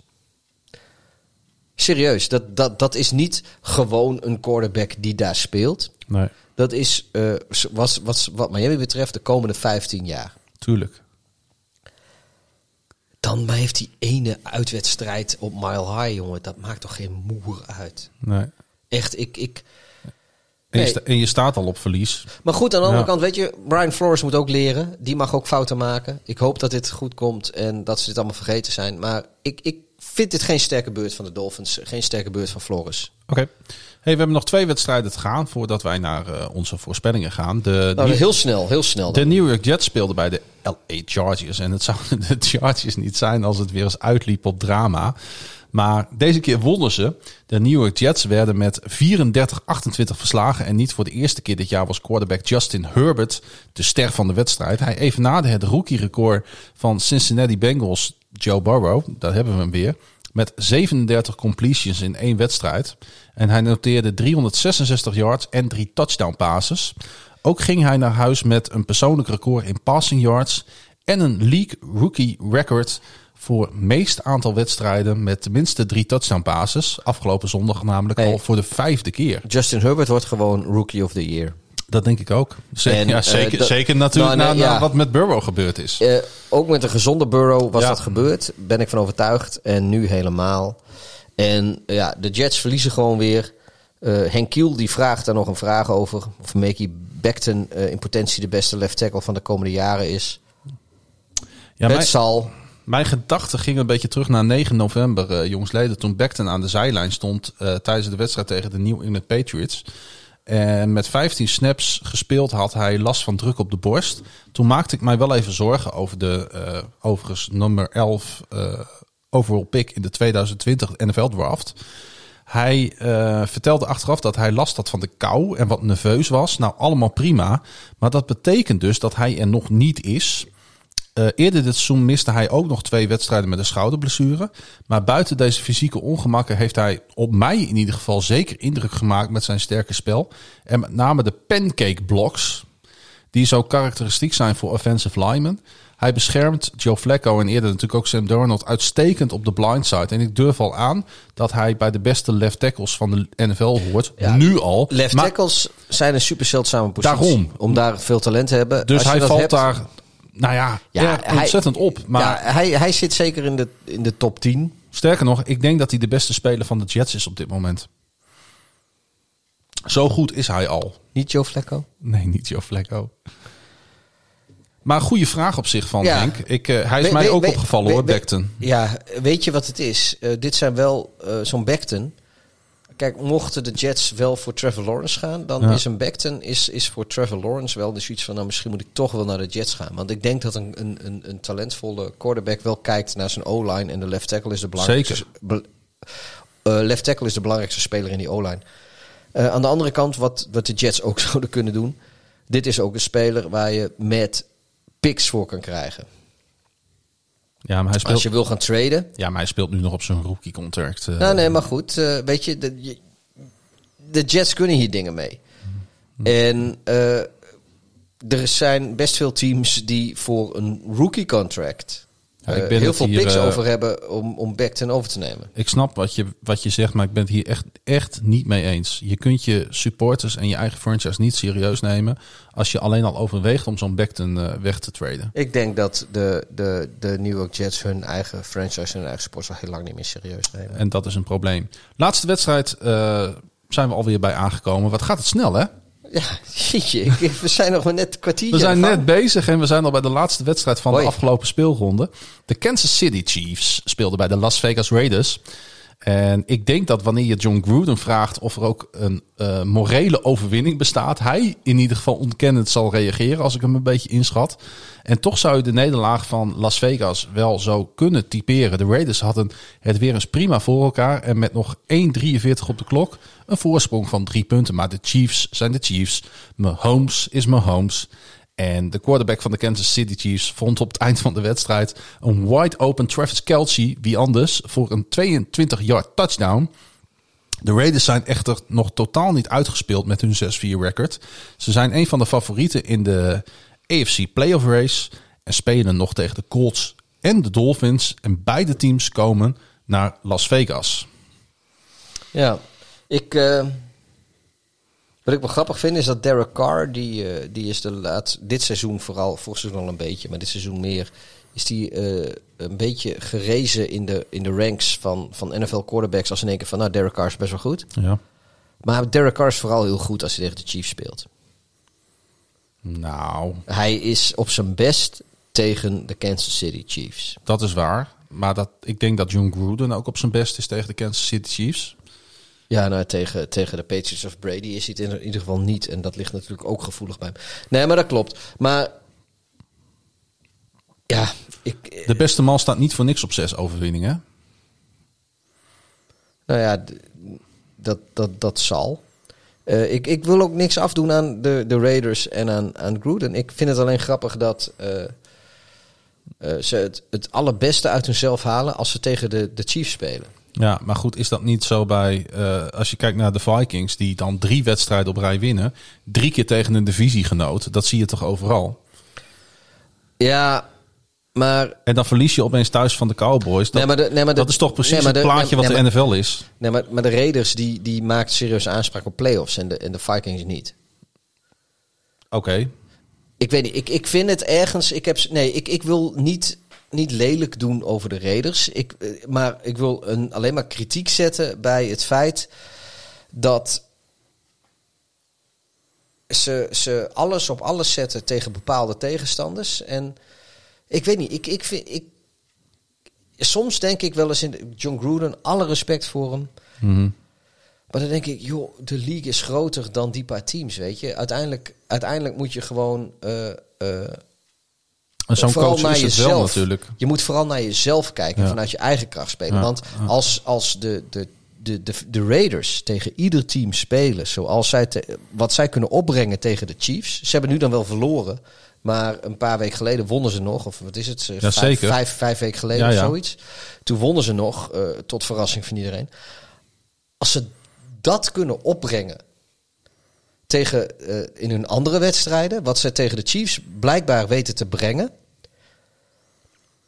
Ja, Kom op man, dan, dan, dan zit je wel te kijken naar meer dan die zes overwinningen. Maar wat zou en dat vind ik gewoon een beetje jammer. Ik, ik, ja, nee, dat ik, ik, ik, je hebt wel een punt, maar dit, dit, is, een, dit, dit is het eh, risico wat je natuurlijk neemt ook als je John Gruden als headcoach aanstelt. ja, nee, die- dat is waar. die Kijk, heeft- dit is natuurlijk inderdaad beter dan wat de Raiders de afgelopen tien jaar sowieso hebben gedaan. Ja, eens. Hey, ehm, we zijn er doorheen. Ik wou trouwens nog wel even zeggen dat ik dit een hele toffe wedstrijd vond. Chiefs at Raiders. Ja, wat ik me ook nog afvroeg. Heerlijke wedstrijd om Er te werd nog kijken. even gevochten op de, ehm, op de zijlijn van de, van de Chiefs. Ja? Jones, ik weet zo snel geen rugnummer, maar een speler die Jones heette en nog iemand, eh, die hadden een eh, onderling ruzie met elkaar. Onderling. En daar kregen ze een unsportsmanlike conduct voor tegen. Ja, Dus het ik was- kan me wel iets daarvan herinneren inderdaad. Het was dus Ja. niet dat zij iets tegen de, de Raiders deden. Ze, de- ze waren met elkaar Ja, in ellende en daar kwam een unsportsmanlike conduct penalty uit. Dat vond ik opvallend. ja. En het andere was natuurlijk dat Gruden zelf naar de scheidsrechters van alles liep vanaf de Raiders zijlijn. En daar ook een unsportsmanlike conduct voor tegenkreeg. Eh, en dat de scheidsrechter dan ook zegt van unsportsmanlike conduct. eh, eh, wat was het? Raiders bench. ja Raiders bench zeg- zeggen ze dan, dat klopt. En dat vond ik ook wel mooi. Maar, maar volgens mij, als ik me het goed herinner, waren in deze wedstrijd van zowel de KC-bench als de Raiders-bench... kregen allebei een unsportsmanlike conduct tegen. De ene omdat John Gruden wat riep en de andere omdat een, een zekere speler die Jones heet... en nog een andere speler aan de zijlijn... eh, volgens mij ging ze gewoon met elkaar op de vuist of zo. Ik, ik weet het niet meer precies hoor. Ik zit dit gewoon te kijken en eh, dan, dan typ ik wat mee. Ik, ik, ik heb dit Mhm. ook niet gefactcheckt. Dit roep ik gewoon... Ehm, nou, misschien moeten we gewoon aan het einde van de podcast gaan. Gaan we lekker voorspellen. Lijkt mij ook. Eh, voordat we gaan voorspellen, ik denk dat ik eh, best wel gechoked heb afgelopen week. Ik heb ook een beetje mijn niet, niet voorspeld wat ik dacht dat het zou worden, maar meer wat ik hoopte dat het zou worden. En dat is mij volgens mij eh, niet in de koude kleren gaan zitten. Nee, eh, we hebben eh, afgelopen week 14 wedstrijden voorspeld. Ja, toen maar. En je hebt er vier goed. Jemig. Dat is wel een, dieptepunt dit hoor. Ik had er acht goed. Ja, ik ben wel een beetje... Dat is ook niet geweldig. We zullen even zeggen wat jij goed had. Jij had eh, Carolina tegen Detroit goed. Jij had Cleveland tegen Philadelphia goed. Je had Houston tegen New England goed. En New Orleans tegen Atlanta. Oké. De rest had je niet goed. En hebben wij trouwens ondertussen eindelijk een overall eh, stand te Die melden? hebben wij. Die heb, ik, ik, ik ben er even voor gaan zitten. Nou, kom maar door. Wij hebben tot nog toe 130 wedstrijden voorspeld. En eh, daarvan heb jij er 71 goed voorspeld. Dat Ja. is goed voor 55% van de voorspelde wedstrijden. Dat jij goed. Ja.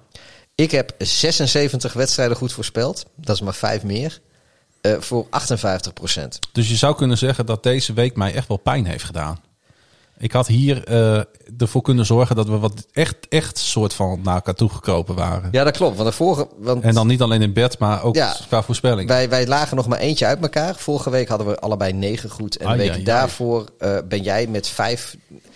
Ja, je, had, je kroop naar me toe en toen heb je het gewoon laten schieten. Ik ga kijken of ik het eh, deze voor komende week beter kan doen. Wij gaan drie wedstrijden voorspellen, Pieter.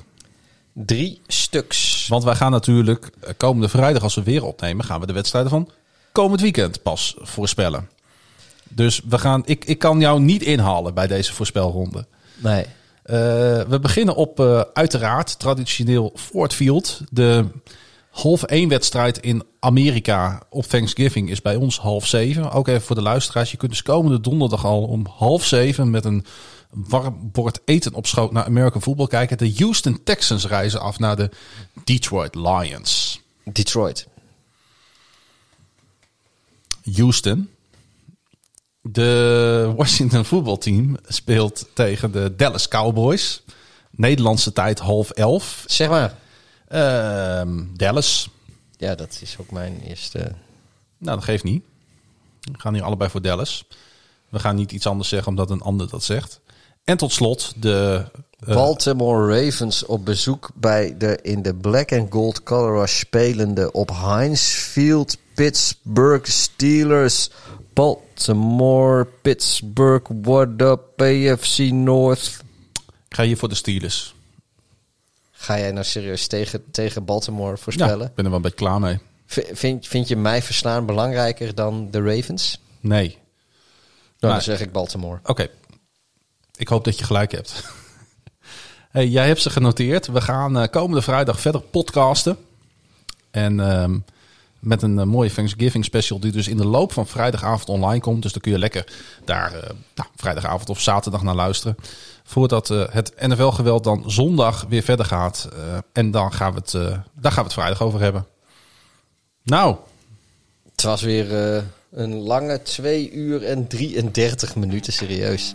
Maar we, zijn er, we hebben ons er weer kranig doorheen eh, geslagen. Alle respect aan onze luisteraars die dit eh, helemaal hebben uitgezeten. Als je dit nog hoort, joh.